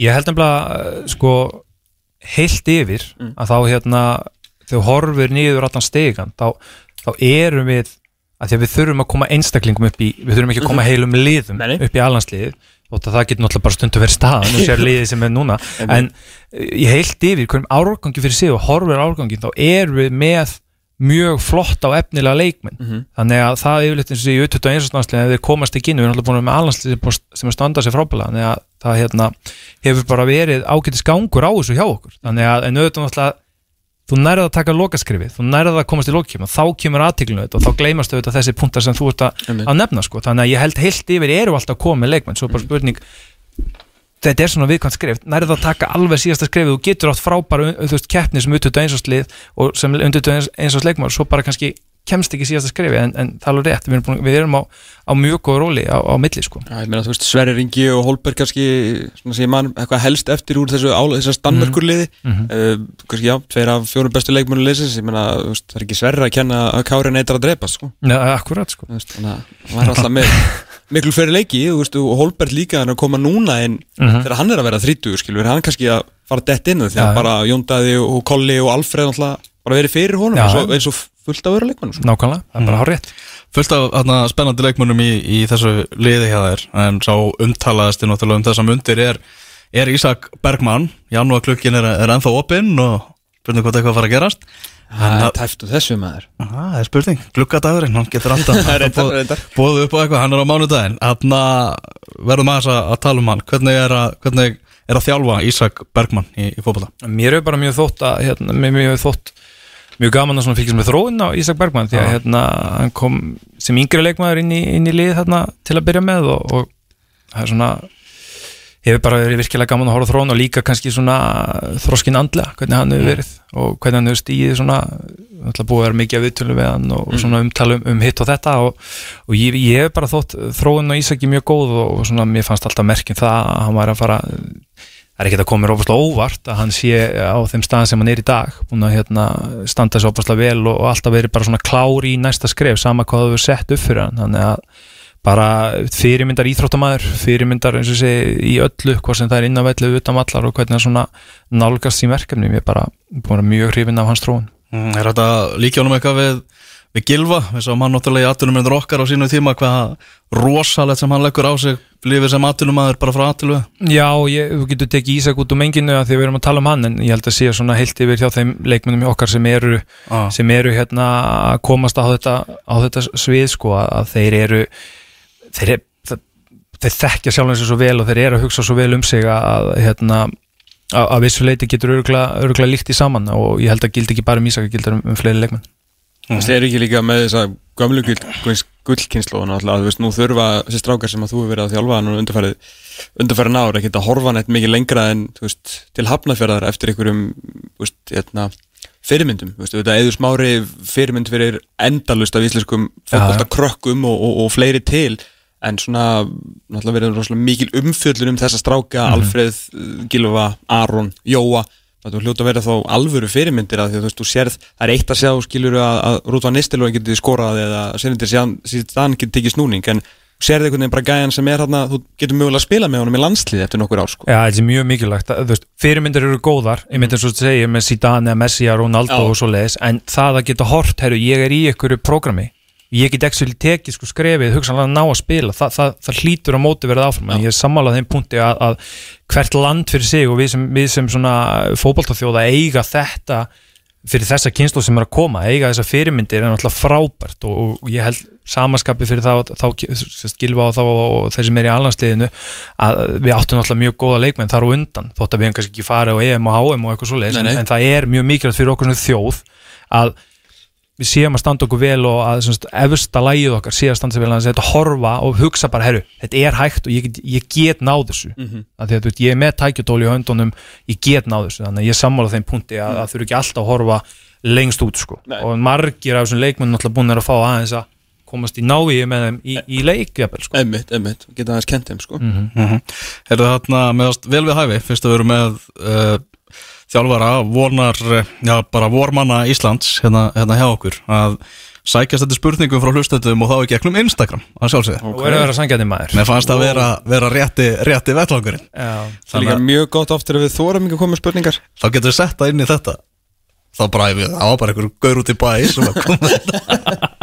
Ég, er bara... Ég bara- ég vissi ekki af þessu þannig að það er ekki laupinspurning frá mér Nei, allavega það er engin lögum spurning í þessu. Nei. þetta er, þetta er allt sem var gert af heilindum hérna. Eikurinu, pennan Herðu, hérna uh, hér er bara nýjasta sem kom bara fyrir korteri síðan. Gott ráð fyrir unga þjálfara að, að tilengja sér. Slaka á. Mm. um, nú hugsa ég bara what the fuck, hvað er hann að segja? Ég er á exinu, þetta er lagi. Rétt, hárrétt. hérna, sko uh, ég myndi gefa þér á það að svona vera með ákveðin draum. Hvað þú vilt gera og ákveðin markmið hvert þú vilt fara að nú getur unni eftir, en það er líka að þú veist, ekki svona ekki vera þér of mikið, af því að ef þú vinnur vel á núinu og þú ert bara duglegur í því svo að gera og þú sýnir gæði því svo að gera, þá kemur næsta skref. Það er bara þannig og þú setur eitthvað markmið og hérna, og þá, þú mynd ná því. Mhm. en það að ætla að tróða sér allstaðar það að reyna svona þetta er mín sko, það að ætla að tróða sér út um allt og, og svona fara út um víðan völl og ná ekki að fókusa á það verkefni þú ert með, Já, ég mæla ekki með því. Já, menn alltaf segra heiminn bara á, á öskum Já, alltaf sigra heiminn og, og ég sem ungu þjálfari ef við horfi tíu ára eftir tíman mjög hrókafullur Já. ég er svona, er það ekki dag myndi ég segja. Herðu, hér er hvort kýstu réttfættan eða örfættan leikmann á vítaspytnupunktin uh, ég kýst bara besta leikmann. Ég, hérna, við vildum æfum vítaspinnur í leonum hjá mér og, og svona, ég fær fílingin út frá því hvort hann sem örfættur að réttfættur skiptir mig eða bara engum máli sko. Þetta er uh, Kolrans var, alltaf rétt vetan Já, ok, ég, ég, hef ekki, ég hef ekki pælt svona djúpt í sko. Besti fótballmaður heims er sko sögunar örfættur Hann getur alltaf skora á víti til að berga lífi sinu sko. Ok. Ekki eins og fara með Hannesi Ég sé alltaf að sjá þetta svona allavega Þá getur annað gerist Já, uh, hverju leitar þú mest að í, af í, í leikmannum? um, ég, ég held að hérna þetta snúist fyrst og næst um það sko, þú getur haft alla hæfileiki í, í heimi en, en það að þú hafið svona mindseti og attitúti til að hérna, taka, taka þau skref og nýta þau upp sem þú hefur, þú náttúrulega mm. ferð ekki langt á attitútinu og ef þú ert með gott attitút í því að hérna, að vilja æfa þá verður tekníðin betri og þú verður meðvetar um, um hérna, þína getu og svo koll og kolli. Þannig að það er eina sem þú getur aldrei tekið frá neittni mannesku í heiminum samótt og takir fætur og hendur í burtu eða hvernig það er, það er attitút þannig að það þarf að vera í fyrst í lægi og hitt mun alltaf húslað saman Mm -hmm. Er það fyrirmyndin? Já, þá sem bara persóna eða Aha, spurningin er bara fyrirmynd Já, ég hérna uh, ég tel mig vera með svona mjög hard working uh, og ég heit svona fóreldra mínir eru, hérna eru, eru hérna mjög svona sterkir þar. Uh, mér svona það er að tengja mig við marga þjálfara. Ég unni með mjög mörgum góðum þjálfurum í gegnum tíðina. Um, sem ungur þjálfari fyrir, ég, nú, ég ætla kannski að vera að flokka með sem mjög hérna, eldri mann en, en það hérna, sem svona yngri 23-24 þjálfari, náttúrulega held ég eins og hjá flestum var, var Mourinho mjög, mjög sterkur. En mér þótti rosalega gaman að hérna, þegar að komast í tæri við Steinar Gísla sér þjálfara Já, mér þótti það alveg gríðarlega gott að fá að sjá hann vinna og þá svona hvernig hann nálgæðist leikmenn hvernig hann nálgæðist umhverfi fannst mér mjög gott. Þannig að ég hef svona tekið ímislegt þaðan og náttúrulega frá öllum þjálfurum svo sér sér unni með en svona mér steini gísla hann skildi opaslega margt eftir. Uh, Martin Ægjesson, hann er einu sem er nafngreindur hérna þegar hann kemur með spurningu. Er það er uppbós voga í tífa kryddblanda, bacon, laukur, paprika eða sweet chili? Hafið þið heyrt söguna hvernig vóið var til? Nei, Nei, ringiði Martin og spurði að því, hún er góð sko. Hérna, Ok, Fer- fer á, fer á lista hjá mér. Það er sem sagt Martin má bara ringa inn og segja okkur þess að sögur já, þið veitir hvað Martin er, er það ekki? Jú, jú. Já, já, hann er eigandi hérna, voga, hérna, þróttu voga. Og að voga bara. Já, herðu, ég skal við ekki um það, ég er nú ekki mikið þarna en eh, þegar ég hef keift Void þá er það bara þessi venjulega kryddblanda sko. Já, hún er líka rétt og svar það er líka sagan sko. Veist, hvernig kryddblanda var til þannig að þið takið það með Martini Já, sko. já, já. Ok. ég er ekki endilega hér, ég er maður leikt með því en... Ég er meira fyrir þarna finnst hitt er er það of mikið- til? Já, já Hitt er eiginlega of mikið mæjunni sko Já, en, en ég sammála samt ég líka, það sem mér finnst finnast við þetta er bara að þetta er krydd já, hitt er eitthvað sweet chili og lauk þú veist, eitthvað svolítið, þú veist, það heitir eitthvað. Þetta er bara krydd. Já, og það er best. Og það, og það er best. Að maður veit ekki alveg nákvæmlega hvað það, það var þannig sko að þetta litla sveitafélag það sögði allt upp úr, það var einu svona já, það, það, það, þetta er góð saga sko þannig að þið takið hana. Já, þetta er spennt hann er komin á, li- komin á lista hérna viðmannata hjá okkur. Er það besti leikmaður sem þú þjálfað? Ó, já, já, já, já, já, já, já. Ekki skemmtir þetta spurningin að fá á þessum tímapunkti? Nei, ekki á þessum tímapunkti og hérna ekki á þessum tímapunkti. Kemur hann upp í 21 slasli og veit að hann er bara the teacher's pet hérna sko. Já, já, nei, nei, ég hérna ég ætla að taka landslýs umhverju út. Ég ætla hérna að gera það. Ég ætla, ég ætla að vera fer, já, því ég hérna vann nefnilega í félögum líka sko. Jú, jú. Mér þótti rosalega gaman að hérna að þjálfa Hilmarona mm. Og mér þótti rosalega gaman að komast í tæri við Eyjól Híðansson Já, það hérna, ég verð að segja það, það þessi tvei leikmenn fannst mér rópastlega gaman að, hérna, fá að, að vinna með, þannig að ég ætla að taka allan landslýstrákun út fyrir svegan, þannig að það verði ekkit vesen, en hérna en þessi leikmenn tveir, mér fannst hérna óbúslega gaman að hérna, vinna með þeim, hann náttúrulega með Hilmar lengi og kynnti svo eigi og í stjórninni og, og, og já, þessi leikmenn fannst mér mjög skemmtur þetta að komast í tærfið má ég koma að spurningu nafngreindur, já, já, já, þetta er opinberlega frá, frá þér. Hérna, hefur það einhvern tíma skipt uh, máli á þínum þjálfarferðli að þér hefur fundist hvort er í félagsliði eða landsliði að þú hefur ekki verið uh, leikmaður á einhverju kalibur, að þú bara, ég dætt í huga þú myndist á Steinar. Gísla sem að nú heldur betur með já, CV-ið já, heldur betur. Um, sko nei, mér er ekki þótt að hérna, skipta máli. Um, ég tók ákvörðun þegar ég var bara tvítugur og kannski daldið svona upplýst ákvörðun en, en ég tók bara ákvörðun þjálfandi að vera að þjálfa í leikni og fannst mér standa mig vel þrjá flokka Mhm. í háskóla og að æfa fótbolta með hérna, mestarlóki leiknis þá tók ég bara ákvörðun að hérna, mér langaði að vinna við fótbolta og ég hefði getið spilað í leikni næstu, næstu tíu árin og það er bara verið þið besta mál en ég hefði ekki þróast en þjálfari á, á þeim tímapunkti, ég hefði bara ekki getið í öllu, ég hefði ekki náða að taka það skref sem coach eins og ég hefði viljað gera og, og, og sex ára setna ekki vera að þjálfa liði sko. Nei, nei. þannig að ég tók bara ákvörun að hérna að gerast þjálfari og ég, ég hefði getið spilað áfram en þetta var ákvörun sem ég tók og ég sé alls ekki eftir henni sko. um, að sama skapi hefur mér mjög, þótt mjög gaman að vinna með til dæmis, ég vann með hérna, tökutum með Brynjabjörn Mm. í hérna tökutum með Brynjabjörn í, í stjörnni Mhm. og spila marga landsleiki búin að hérna, spila í ennsku rústillinu og allt svo mér þótti rosalega gaman að til dæmis vinna með honum og ég hef reynt að svona taka taka hérna frá þessum mönnu sem hafa upplifað þennan aðtunum hana heim eins mikið og ég get að þú, þú, svona, þú getur ekki lappað inn og bara einhver megin haldið og ytir allt. Þú verður að soga þetta aldrei frá fólki, sama með Totta og náttúrulega fullt af mönnum sem ég vinni með og ég ætla ekki að nafngrein alla en, en þessi tveit til þess að hafa spilað á, á mjög hái leveli og upplifað mjög margt. Að sætta sig við það að þeir kannski geta að hjálpa þér á vissum sviðum og teki síðan lærdómið það ég, mér hefur þá það svona, svona skipta miklu máli en að sama skapi punktur með það að þú, þú getur ekki þóst vita allt og það einhver minna nálgast bara fólk að virðing og þessi samskipt svo áttu fólk hvort þú hefur spila sko mörgundur landsleiki eða, eða mörgundur landsleiki erlendis það, það mun alltaf hjálpa.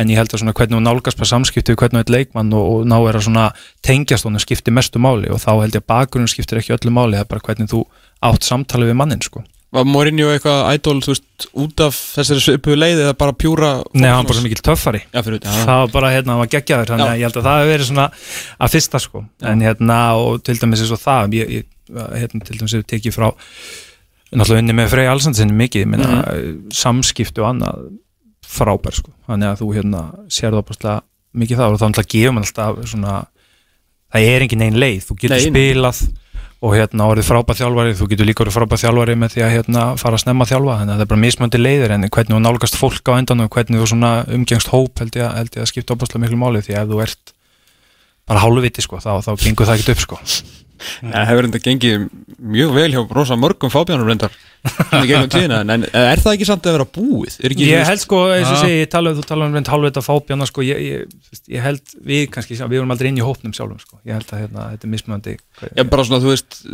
maður er að lesa við til við yngri kynslu þú veist þessar nýju kynslu fótboltumanna og svona og, og ég fann spurði nú einhvern Jú, Frank Lampard spurði hann um eitt um daginn að þessu þegar hann var ennþá stjórið Chelsea og við fekk hann eitt af síðustu samtölum Já. við hann að hérna, og spurði hann einmitt hvernig er að þjálfa þessa nýju, nýju stráka. Ég meina þú út vanari náttúrulega bara veist, late 90s leikmaður hjá Vestham skilur og svona hvernig það var svona meiri og svona þjálfara sem voru kannski meiri svona öskura bar og þetta var gert svolítið svona þú veist, en, en hvort það væri ekki allt annað dæmi í dag það er bara, jú, ég meina, hann alltaf með var, var lengi vel að stilla upp einu yngsta liðinu í Já. League, yngsta liði sögu Chelsea og að það þýtti bara ekkert að koma svona fram með leikmenn lengur, heiminn nei, bara breyst og menninu með Já, bara almennt held ég og þú er bara að koma fram með fólk bara almennlega sko. Og hérna en það var, virtist alveg Já, koma að það vera virtist önnur vera kannski, annar já, já, sumi kannski þurfa að halda.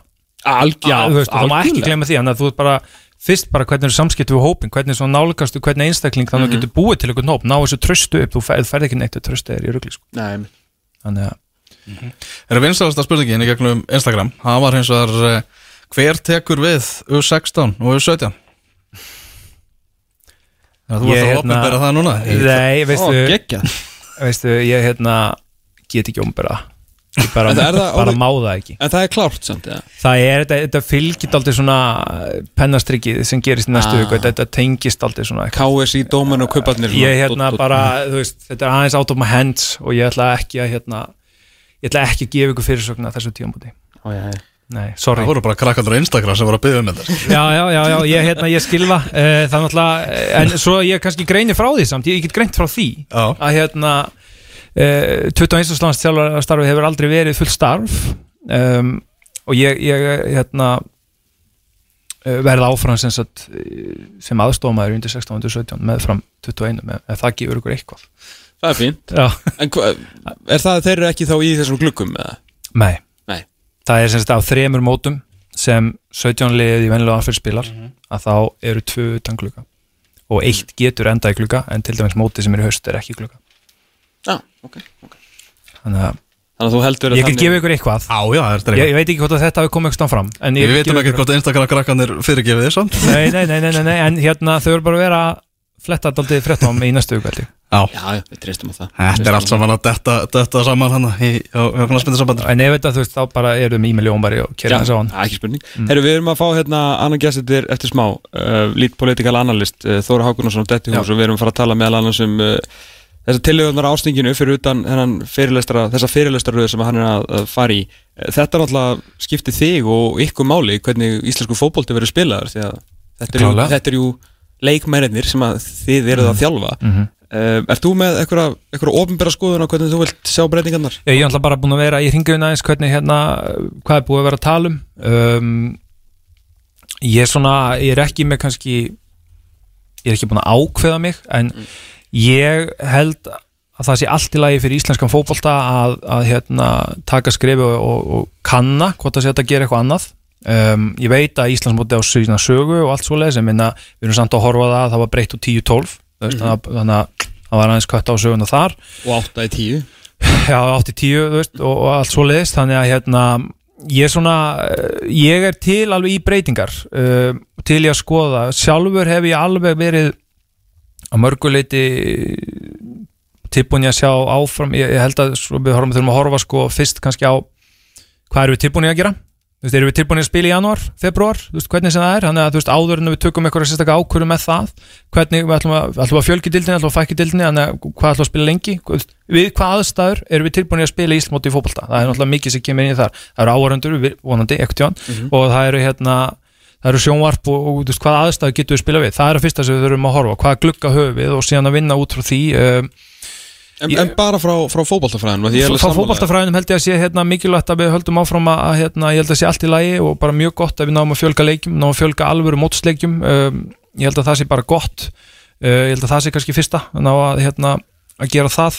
Síðan hef mér alveg uh, mér hef alveg þótt hugmyndi með það að vera með þessa tvískiptu dild sem sagt eftir og búin að spila venilegt mót og taka hann auka fimm leiki, ég held að það sé allt í lagi skref til að kanna, ég skil báða hliðar á pengnum með það hérna, að þú ætlar að taka þátt síðan þú hefur enga keppa í neðri hluta. Ég meina það var farið yfir það hérna í sísta þetta eða ekki? Jú. þannig að ég skilar þann hluta en það getur líka verið keppi-keppli herru, ég er ekki að stefna fyrst sæti ég er kannski að stefna bara að komast í sjötta sætið Mhm. það er bara fyrir mörg lið bara mjög gott þannig að ég hérna og, og, og ég svona, mér, ég er alveg skotin í þeirri hugmynd, þú veist, hvað myndi gerast síðan í kjölfarið ef við værum konum með þessa svona auka fimm leiki sem eru inni kannski eitthvað mikið, það er náttúrulega líka fall undir í, í deildinni fyrir neðan, Mhm. þannig að ég er svona fyrir áhorfandan held ég að er þið skemmtilegt og það er svona komin aðeins meiri pressa kannski í leikin og ég held að sé alveg hérna, ég held að sé alveg fyrir mörg lið, kannski síðustu þrýr, fjóri leikin að Íslandsbóndinu er oft kannski í svipari líkingu og menn halda þessi neðri dild geti verið Mhm.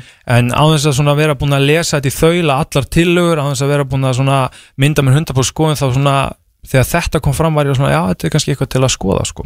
En, en 22 leikir sem sagt bara, sem það er raun og veru magg leikja skipti þig meira máli heldur kannski endilega framkvæmdin Já, mag, já, og bara það, þú veist, mag leikja uh, hugsanlega fleiri leikmenn sem spila það er þetta, þú veist, það, um, þetta er samt umræðan var þegar tíulegadild, við getum ekki riska neitt. Mm. þetta má ekki tóta breyða, svo kom tólulegadild hún þróast aðeins, það er sama, við getum ekki tekið neðan sensa, sko, þannig að ég, bara að við fjölgum leikjum sem eru samkipnishæfir held ég að sé fyrsta, sko, og hérna og, og séu svona er þið gott fyrir, fyrir hérna, leikmenn sko, held ég á endanum. Og við erum svo sem líka búin að vera að ég get alveg pizza því inni, við erum búin að reyna að þróa með félagun núna undarfarið sem sagt, hérna, líka breytingar í til dæmis uh, þriðarflóksmótum kall og kvenna, getur við verið með eitthvað svona, þú spila þig eins og nýja landslýsformið er, þú spila þig sem sagt, þú byrjar í einhvern ákveðni dild og þú getur farið niður í næsta móti og svo upp, að það er svona spilað fleiri samkjömmisafi leikir og þá er að taka það líka inn á yngra levelið og,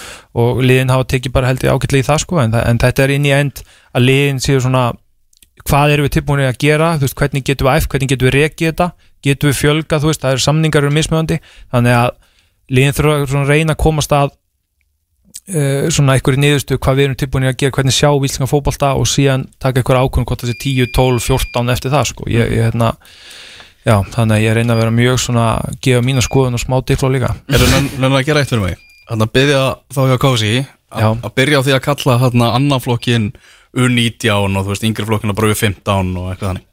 Hætta með þetta eitthvað annan flokku, þriðja flokku Já, en, en þú sko flokkar. hérna uh, það eru, það eru náttúrulega alltaf tveir árgangar sko, ég hafði þrýr í önlóki sko, þannig að já, já, Þú vilt hafa þetta bara undir 19 undir 17 Já, Ok. Algjörlega. Bara, þú veist, leikur í millu 17 ára lis Þegar ég lappa upp á skrifstofu og Vikings Þegar ég lappa upp á skrifstofu, lappa alltaf fram með Birki. Ok. Ég skal bara taka beina undir Menn Birki. það fyrir bara hann á KSI.is og bara breytir heitinu hann Bara í edit eða eitthvað. Þetta er Já, ég get ekki trúið þetta sem neitt vandamál.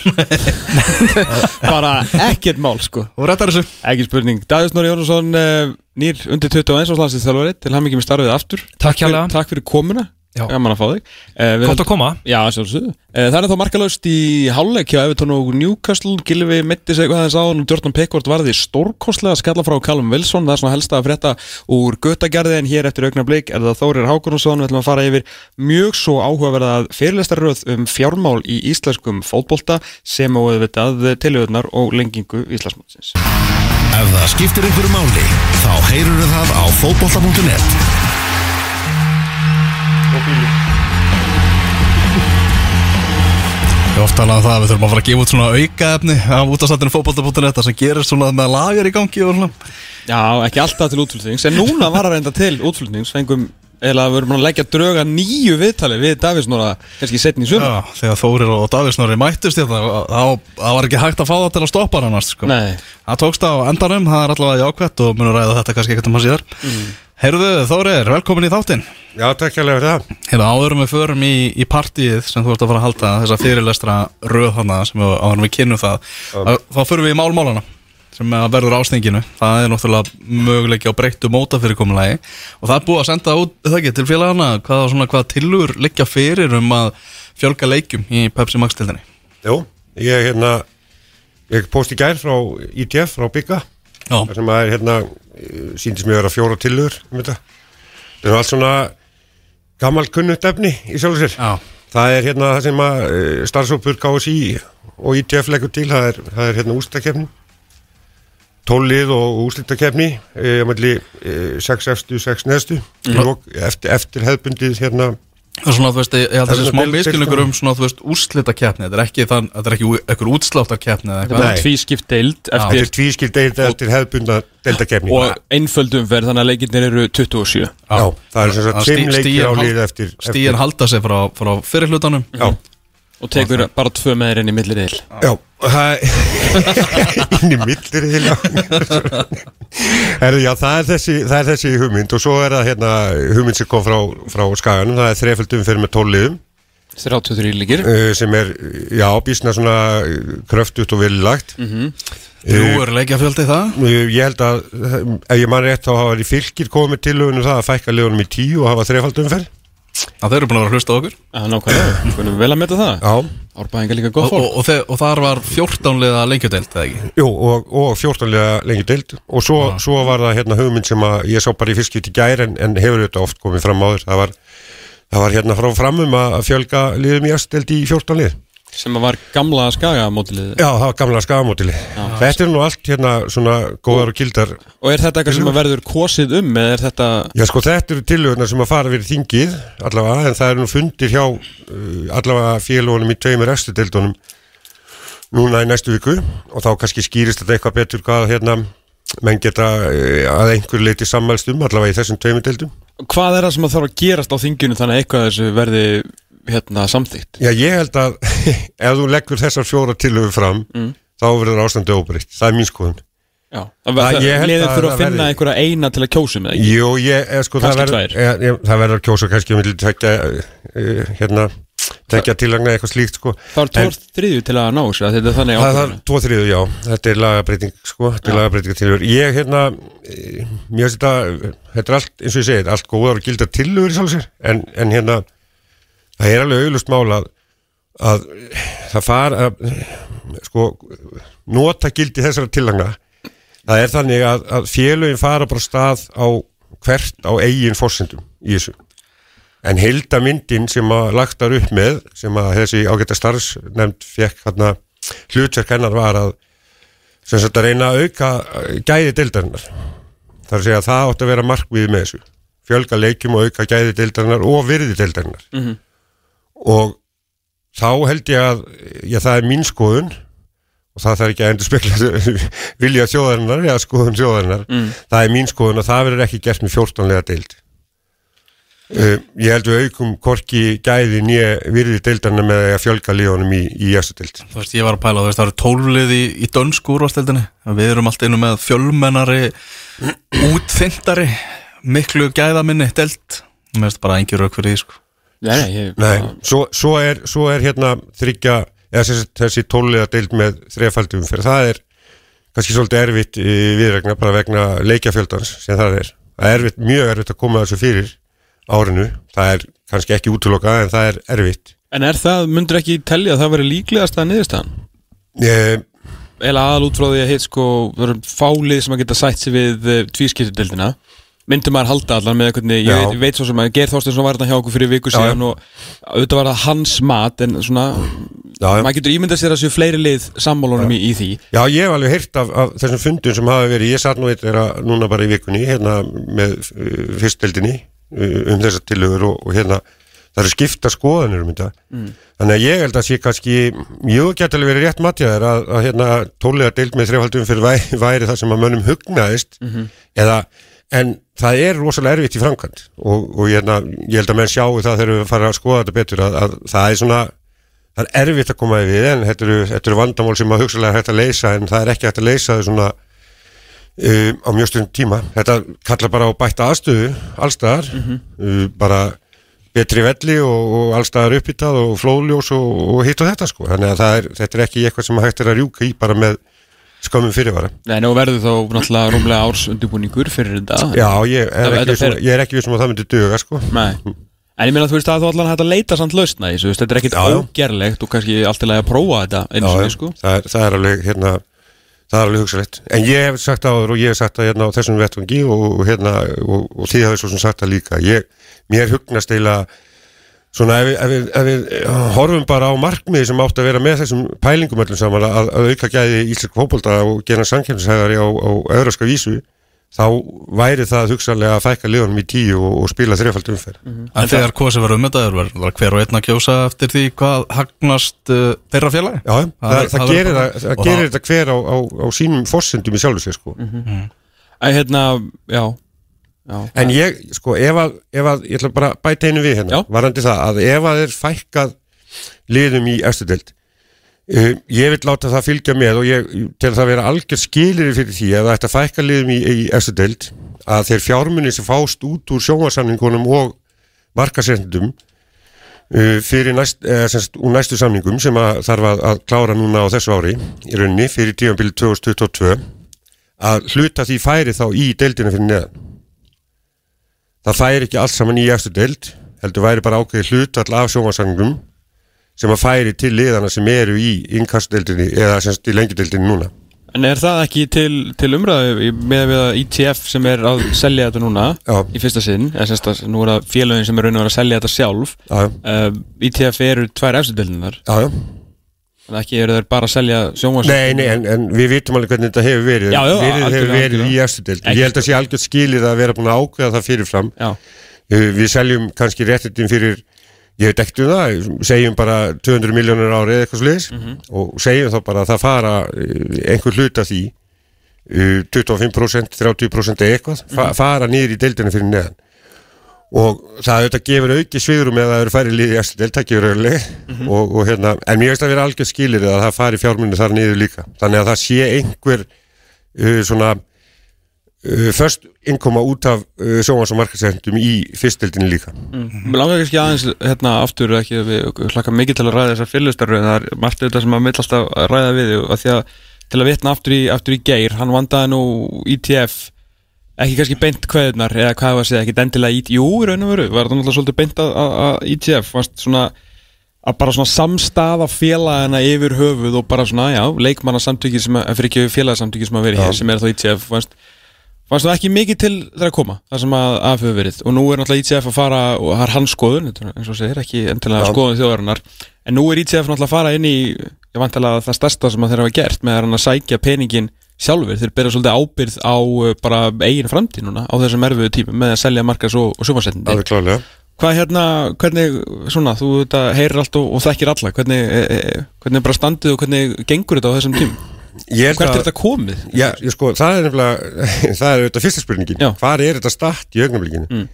ég held að, að það sé kannski um, ég veit ekki hvort að það er, ekki, það er ekki hægt að sakast við einhvern neitt eða tvo aðil í því. Það er eiginlega auðvitað okkur öllum svo sem að kenna. Við erum aðilar að þessum samtökum. Einmitt. að hafa þá ekki gert betur í því að setja þetta fyrr í gang og að meiri krafti. Ég held þetta, ég er ekkit viss um þetta sé eh, veist, það er smá tími en þá til stefnu. En ég hefði gert að vilja sjá þetta vera komið lengra og við erum komið núna heldur en, heldur en að, að ég held að sé ég allavega heyri ekki annað en þetta sé svona ennþá bara einhverja þreyfingar það hefði verið að, að hérna, huglið að fá einhvern ráðgjafa til skrassur ráðgerða Er ekki búið að ráða hana? Eh, ég hef ekki heyrt að því, ég allavega ekki séð það einhver staðar ópennilega að það sé búðar á þann, ég hef heyrt það sko. Já, eh, það er að segja, það er svona bara sem einhverja kjáttasögu, ég hef ekki fengið ok, okay, ég, ég held að það væri komin þarna minn maður? Eh, ég hef ekki heyrt því, en það Ok. getur vel verið og, og ef það er, þá er það bara þá er það á gett Bara mjög gott, ég Já. meina um að gera að sækja sér um, vitneski um, um að gera, það er það sem við þurfum en ég, svona á þess að alltaf fullir að mikið um það ég, mér, ég hef einhvern veginn tilfinningu fyrir því að þetta, þetta ætti að vera komið lengra veg heldur en þetta er komið því miður sko. en, en það er, þú veist, við getum unni út í því sko. Já, ekki, ekki spurningar en þá alveg ennþá tími til en, Já. en ef endanum er þetta verið að selja Pepsi Max deildina þetta er lítil deild á, á litlu markaði þannig að veist, er eitthvað annað en að gera en að bara ringi heiðar og, og bara halda áfram það, það er þannig kannski að ákveða svolítið hvernig mótil á að vera sko. Já, það er kannski frekar heldur en hver samstæðstæðal endilega Jú, það er svona, þú veist, hvernig viltu selja þetta? Viltu selja þetta einum aðeili eða viltu selja þetta mörgum aðeilum Já, og skil ég. hérna hvernig viltu, eða hvaða mótil viltu í þessu? Og það er það sem við þurfum eiginlega að koma svolítið að áður um við leggjum á stað með þetta og setja okkur eitthvað markmið í því hvað við teljum vera ásættalegt fyrir þetta. Því að, veist, það er ekki gott að leggja stað og, og hérna svo fáum við bara einhverjar hugmyndir eða einhverjar, einhver tilbóð, skulum við segja, þessum, og svona innan gæsalappa. Og við vitum ekkert eh, í rauninni hvaða hérna, markmið við höfum sett okkur í þessu. Nei. við verðum eiginlega að gera það fyrst svolítið sko. Örstuðt að þessum um, tillögunar áttur Ég bara rósa fylgismönnum. Það er alveg töffaraskapur hjá þeim Maður kom með þessa tillögu. Maður hefði búist við þessar tillögu frá Svona þessum liðum sem eru fyrir ofan í töflunni K.R. Blikum, stjórnun F.A. Val Sem eiga svona föstu sætin bara mjög óvænt en samanlega, bara mjög skemmtilegt og bara mjög cool, af því að þeir eh, hafa fram að síðustu leiktíð emitt verið svona nær tíundasætunu heldur en sjötta sko Já, já. bara Já, þarna er verið að hugsa um en það er náttúrulega búin að lána sem besta manni í KSI og svona, að þeir eru kannski standa af örðum í er bara alvöru, alvöru hérna dæmi hjá, hjá fylgismönnum sko. Já, en eins og 33 mót uh, bara varandi, tekjudreifing og svona, er félögum ekkert að hugnast þessi auka, auka heimaleikur og, og hérna þú veist, að því að maður veit ekki hvort að félögum sé það mikið endilega að hugsa um leikmennina það er kannski meira, KSI sem þarf að passa á það. þú ert að tala um hérna tólsunum þrýr Já, Já, Já ég, ég veit ekki alveg, ég, ég bara sé stærsta vandamálið í er náttúrulega bara að koma þessu fyrir sko. já, já, au- auðvitað, auðvitað. það er- það, það er, fleiri heimaleikir og kannski Já, já, geta borga leikmennunum meira, þeir eru hvað sem er á samningi já, ég, ég, ég grunna nú að það, það hugsalega kæmin grafa hugsalega um, um hérna einhverjar uh, launa hækkanir í því Birgir, Sveinsson gerði nú kraftaverki í, í fyrra. Hvað kallaði að gera náttúrulega Birgir leikjaheili eða ekki? Jú, held að, leikjaheili Já, já, það, það er alveg rétt, hann, hann getur ímislegt en, en það, er, það er samt, ef maður horfir bara á skemað í þessu, þetta er, það verður bísna erfitt að koma sér fyrir, en eins og ég segi, þetta er ekki, það er ekki út til okkar, það þarf bara, hérna, en við þurfum auðvitað bara að bæta aðstöðu og það er svo sem öllum til góða.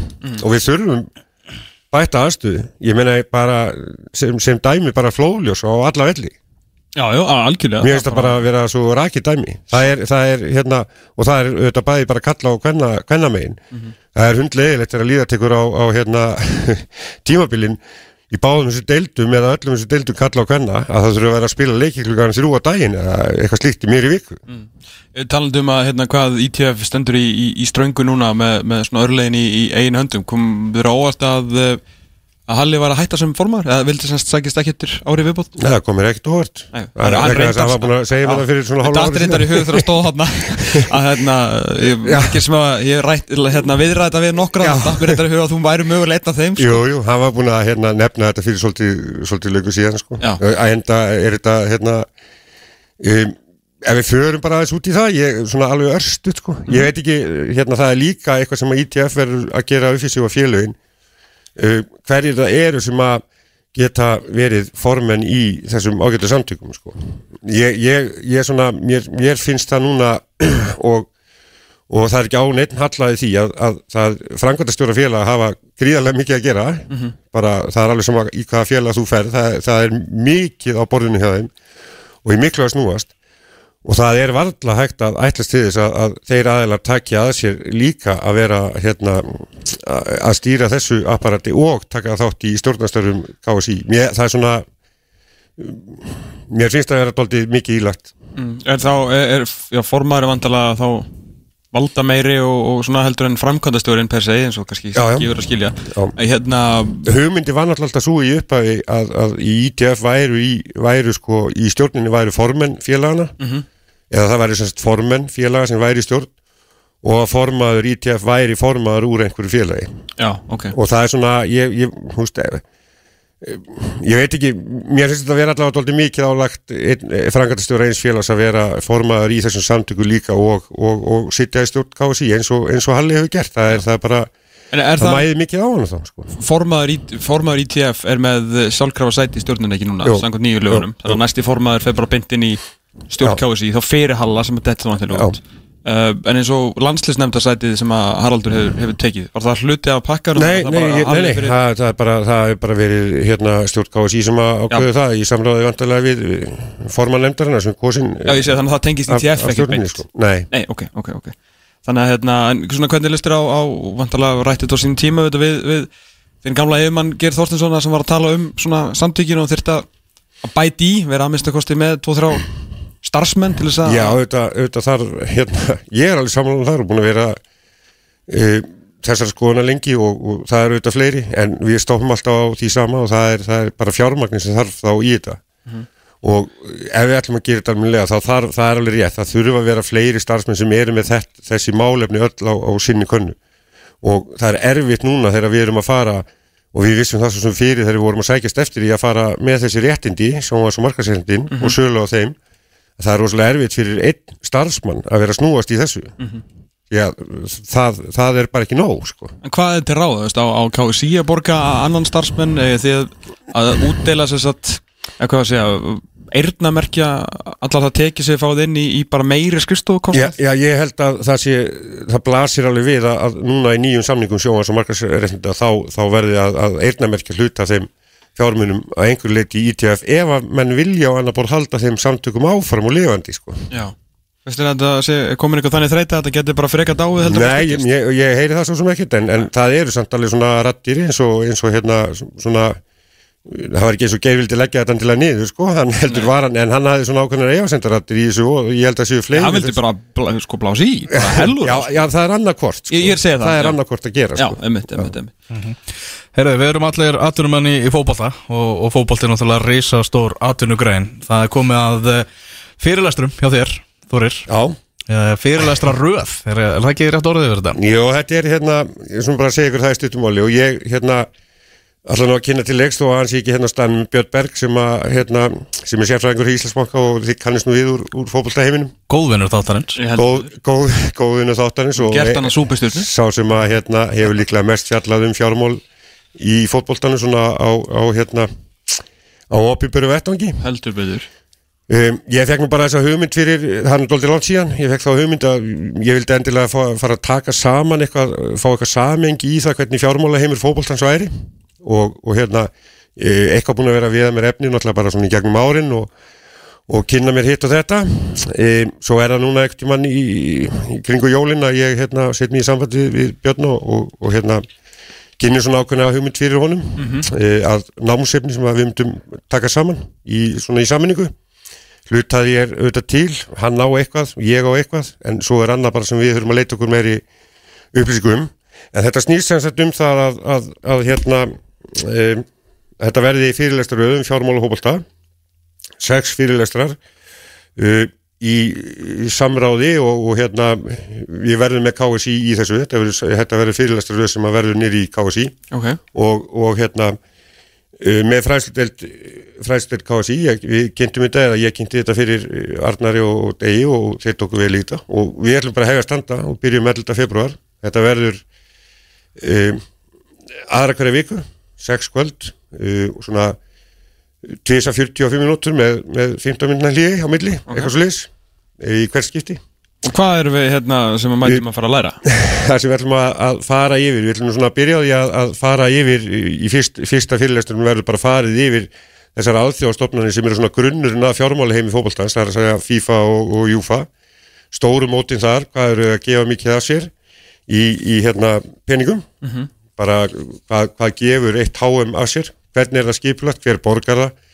Hver ræður för með, með hérna, fjár, fjármagnir, hver, hver er það sem að höndlar með peningana sem að græð, hérna, móti græðir?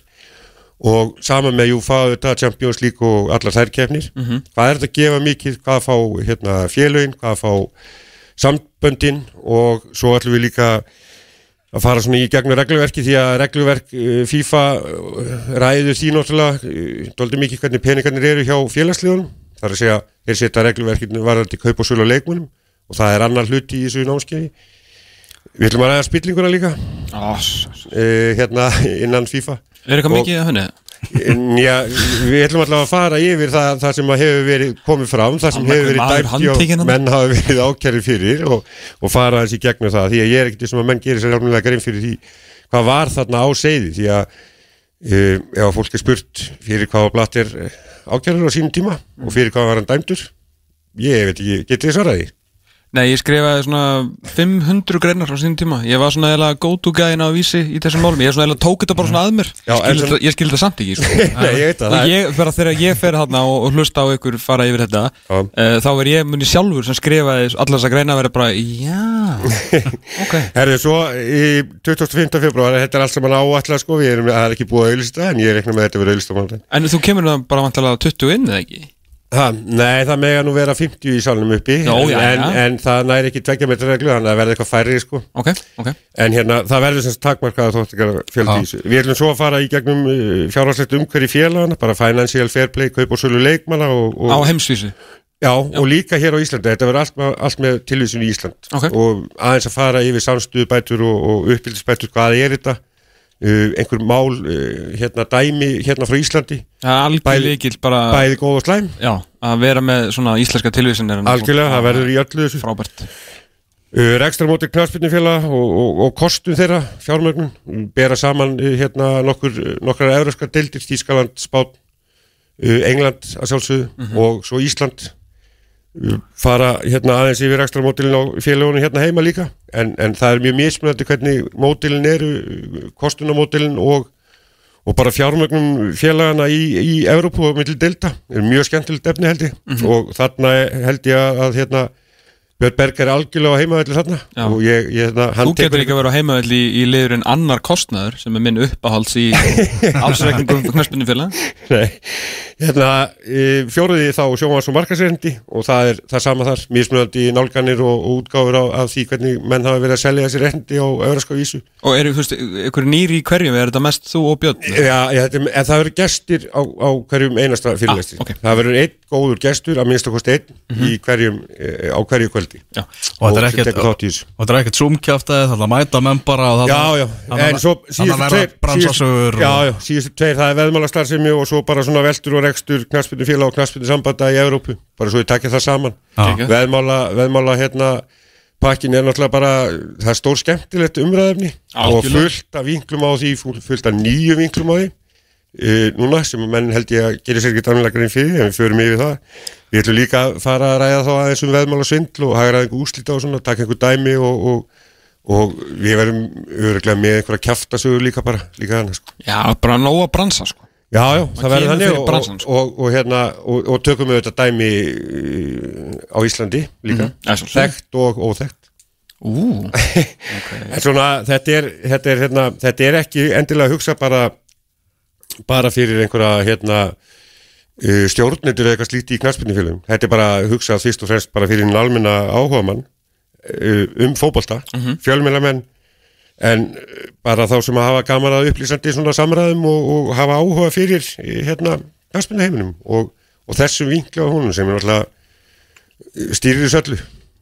Það eru peningarnir sko. Einmitt, einmitt. Og, og hérna, en eins og ég segi, þetta verður það verður takmarkað þáttakjöndafjöldi og ég vona að við getum auðlist að byrja að auðlist á, á hérna mándaginn og það er bara skráning þá inn á, inn á heimasíðu hjá KSI það rauka eitthvað á það? uh, Já, ég ætlum að rukka á þetta.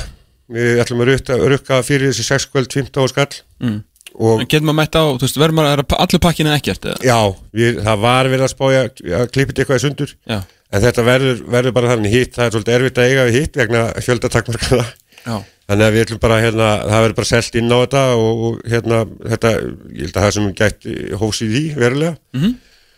og hérna síðan eh, sko eh, ég veit ekki hvort það verður 30-35 eitthvað sliði sem að komast inn, inn á þetta í fyrsta kastið en eh, þú veist, ef að eftirspurning verður meiri þá bara gerir þetta bara aftur? A, já, eða höldum þetta tvöfalt þú veist, við, þetta er þá verður þetta bara í hverju viku í staðin og þá verður þetta bara tvöfalt eða, e, eða einhverja lausni finnum við því og, og hugsalega þá fara með þetta á, á hérna á neti bara sko. Ég, ég, þú veist, við höfum ekkert alveg pælt í en það rennu algjörlega blind í sjóma með það hvað, hvað hver þáttakert að fjöldin er en ég, ég get allavega fullið sem ennum það að þetta verður skemmtilegt efni og, og hérna þetta er ekki bara fyrir einhverja sko fræðslu nörda heldur er þetta bara, þetta á bara að vera svona ákveðið spjallum um þennan heim Já. Og, og koma svona framfæri helstu upplýsingu um það sem er á, á sveiði hérna mm Fyrir mann svona, sem að veit kannski, kannski aðeins meira heldur en meðalmaður en bara þetta peningarnir í kringum HM og EM og hvernig það, þú veist, dræfar fótboltanna, Já. þú veist, næstu fjögur árun alltaf er, þetta er kingimagnað apparat, sko. algjörlega og það er, mjög, það er náttúrulega mjög merkilegt bara að, að þú veist, spá í það hvernig hérna settupið á þessu hefur verið og hvernig hérna hvernig það hefur breyst það er, þróunin er náttúrulega í það ótt að það er orðið nánast já það fer að verða volnust fyrir eitt land að halda HM eins og, og kröðunar sem er gerðar eru á það. Mhm. bæði bara hvað varðar allan uh, aðbúnað og, og kostnærin kringum og, slíkur.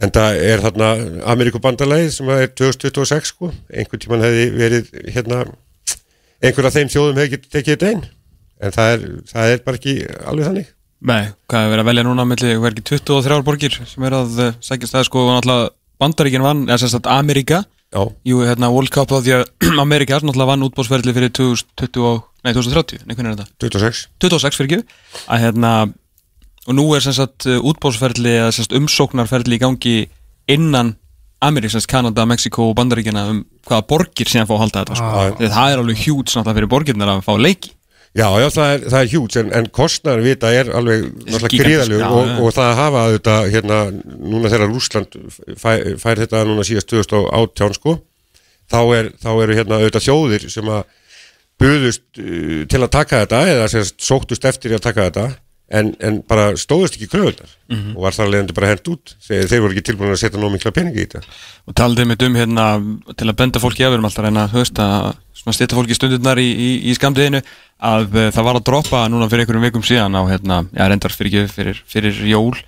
Uh, þáttaröð á Prime Video sem að uh, er uh, á spensku, ég man ekki hvort hún sé hvort hún sé eitthvað, hún er allan að, þetta er Latin Amerika þáttaröð sem heitir El Presidente og fjalla sem sagt um uh, Sergio uh, Jadue fyrirhandi fórseta sem sagt uh, knæspundisambands uh, Chile sem að var síðan hérna uh, varafórseti, neða var sérst fórseti sérst ef Já, maður rétt sko já. og endaði sem, sem sagt, að va- einn af varaformunum FIFA og það er alltaf mjög fyndin saga því að hann var algjör njóli mætt á sinn fyrsta fundi eftir að hann var að gera sérst, að, hérna fórsetanum hjá, hjá Chile.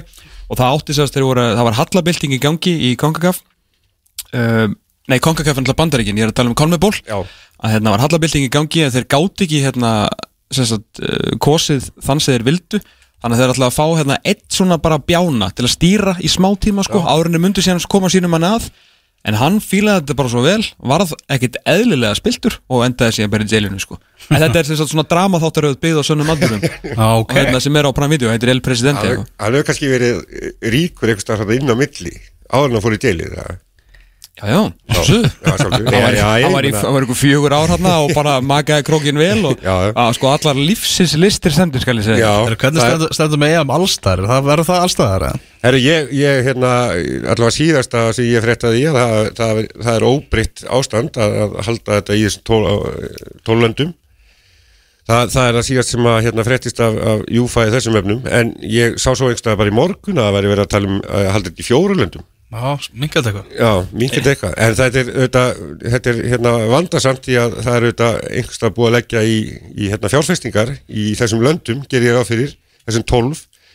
þannig að það er hægar sagt en gert að, að, að draga sér út úr því og breyta þessu í, í eins lands keppni úr þessu. En, en hérna en bara aðstæður í, í heiminum náttúrulega kannski bjóðu ekkert endilega vel upp á það að, að það sé verið að halda þetta í mjög mörgum löndum í einu sko Já, þarna ég er búin að fá eitthvað skilabóð hérna. Það er ma maður og akureyri sem að þarna vil fá þetta á Zoom fyrirlestrana.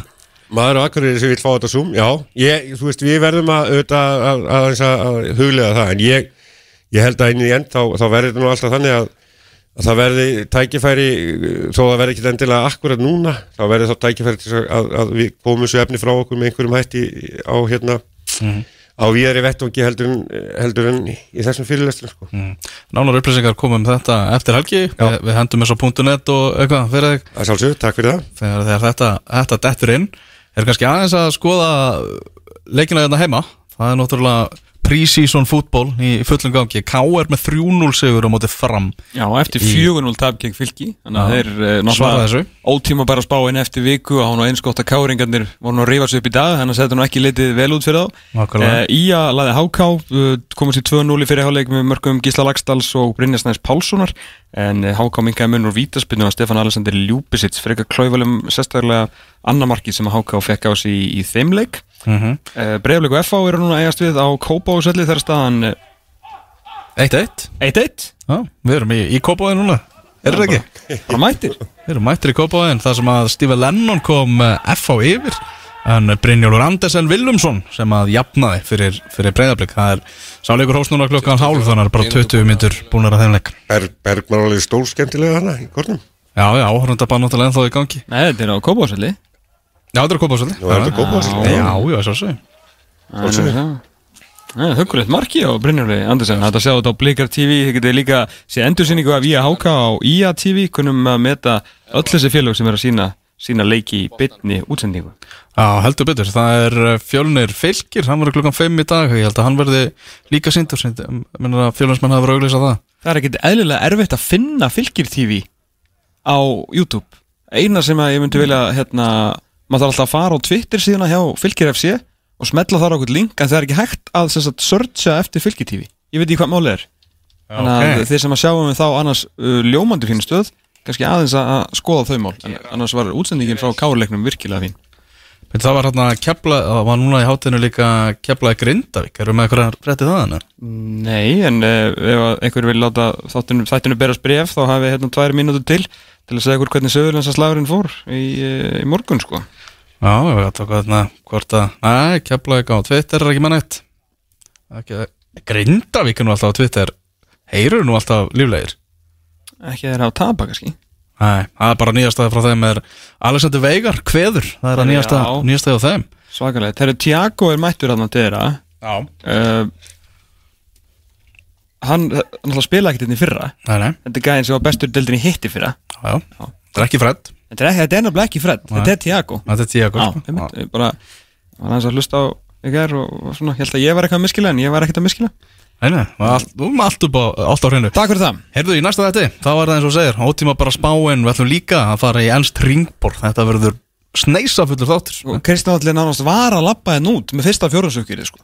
Já, þetta er alveg er, nú var ég að raða hérna, loksins búið að raða fyrir februar Mm. og búið að setja henni upp alla leikina og það heldur betur að halda okkur við efnið. Eh, reyndar, þetta, nú snýst þetta meira um að vera bara um helgar. Nú er þetta bara aftur komið í helgarvinni hjá okkur strákunum sko. Nei, það er núna bara í það miðri Já, viku fyrir núna. utan miðra viku núna já, einmitt, Svo er náttúrulega mánudagur föstar en ég er svo sem bara að tala þetta mótið sjálfum mér. Herru, litli mánuðurinn Við erum að tala um núna að það er Arsenal United náttúrulega í, í, í dag sem við erum að, hérna, að Síðan uh, Tottenham Chelsea á fimmtudaginn Liverpool Manchester City á, á sunnudaginn en það er United Everton síðan á lögutaskvöldið heima með Tomma verður uh, ansi gómsættur Gilfi uh, Gilvi City Tottenham Arsenal Leeds uh, Liverpool Everton lögadaginn 20. februar í, í hérna síðdeginnu Arsenal Manchester City og uh, Chelsea Manchester United. Þetta er allt, það er bara Big Six út um allt í februar sko. Svona þetta að vera með svona átt að vera sko. Bæ, bæin er að spila á Hoffenheim líka þetta Já, og bæðin að spila hófna ok, ég bara herru, 1-0 Grindavík. 1-0 grindaðeg, lokatörur uh, ef leikurinn er búinn, þá fór hann 1-0 fyrir Grindavík já. Að byrja að 12 þannig að það lítur að vera búinn. Á, litur hann er búinn. 1-0 eh, endaði það. Herru, ég held að við séum bara búinir í dag. Þórir, takk fyrir komuna fyrst og setur hérna. Hérlega. Ríkala gaman að að fá þig. Eh, Fengu síðan auðvitað nýjan auðvitað eins og slansið þjálfara hér í langt spjall um starfið og íslenska knaspinu Davís Nora Jónasson Eftir viku verða það ótímbæra spáinn eh, sem allir eru búin að býða eftir og eins og það sagði enska ringbórið þar sem við fáum Kristján Alla til að gera upp annan fjórðung ensku úrvarstildarinnar það er sem sagt eftir 6 daga og 22 tíma. Þangað til, verið sæl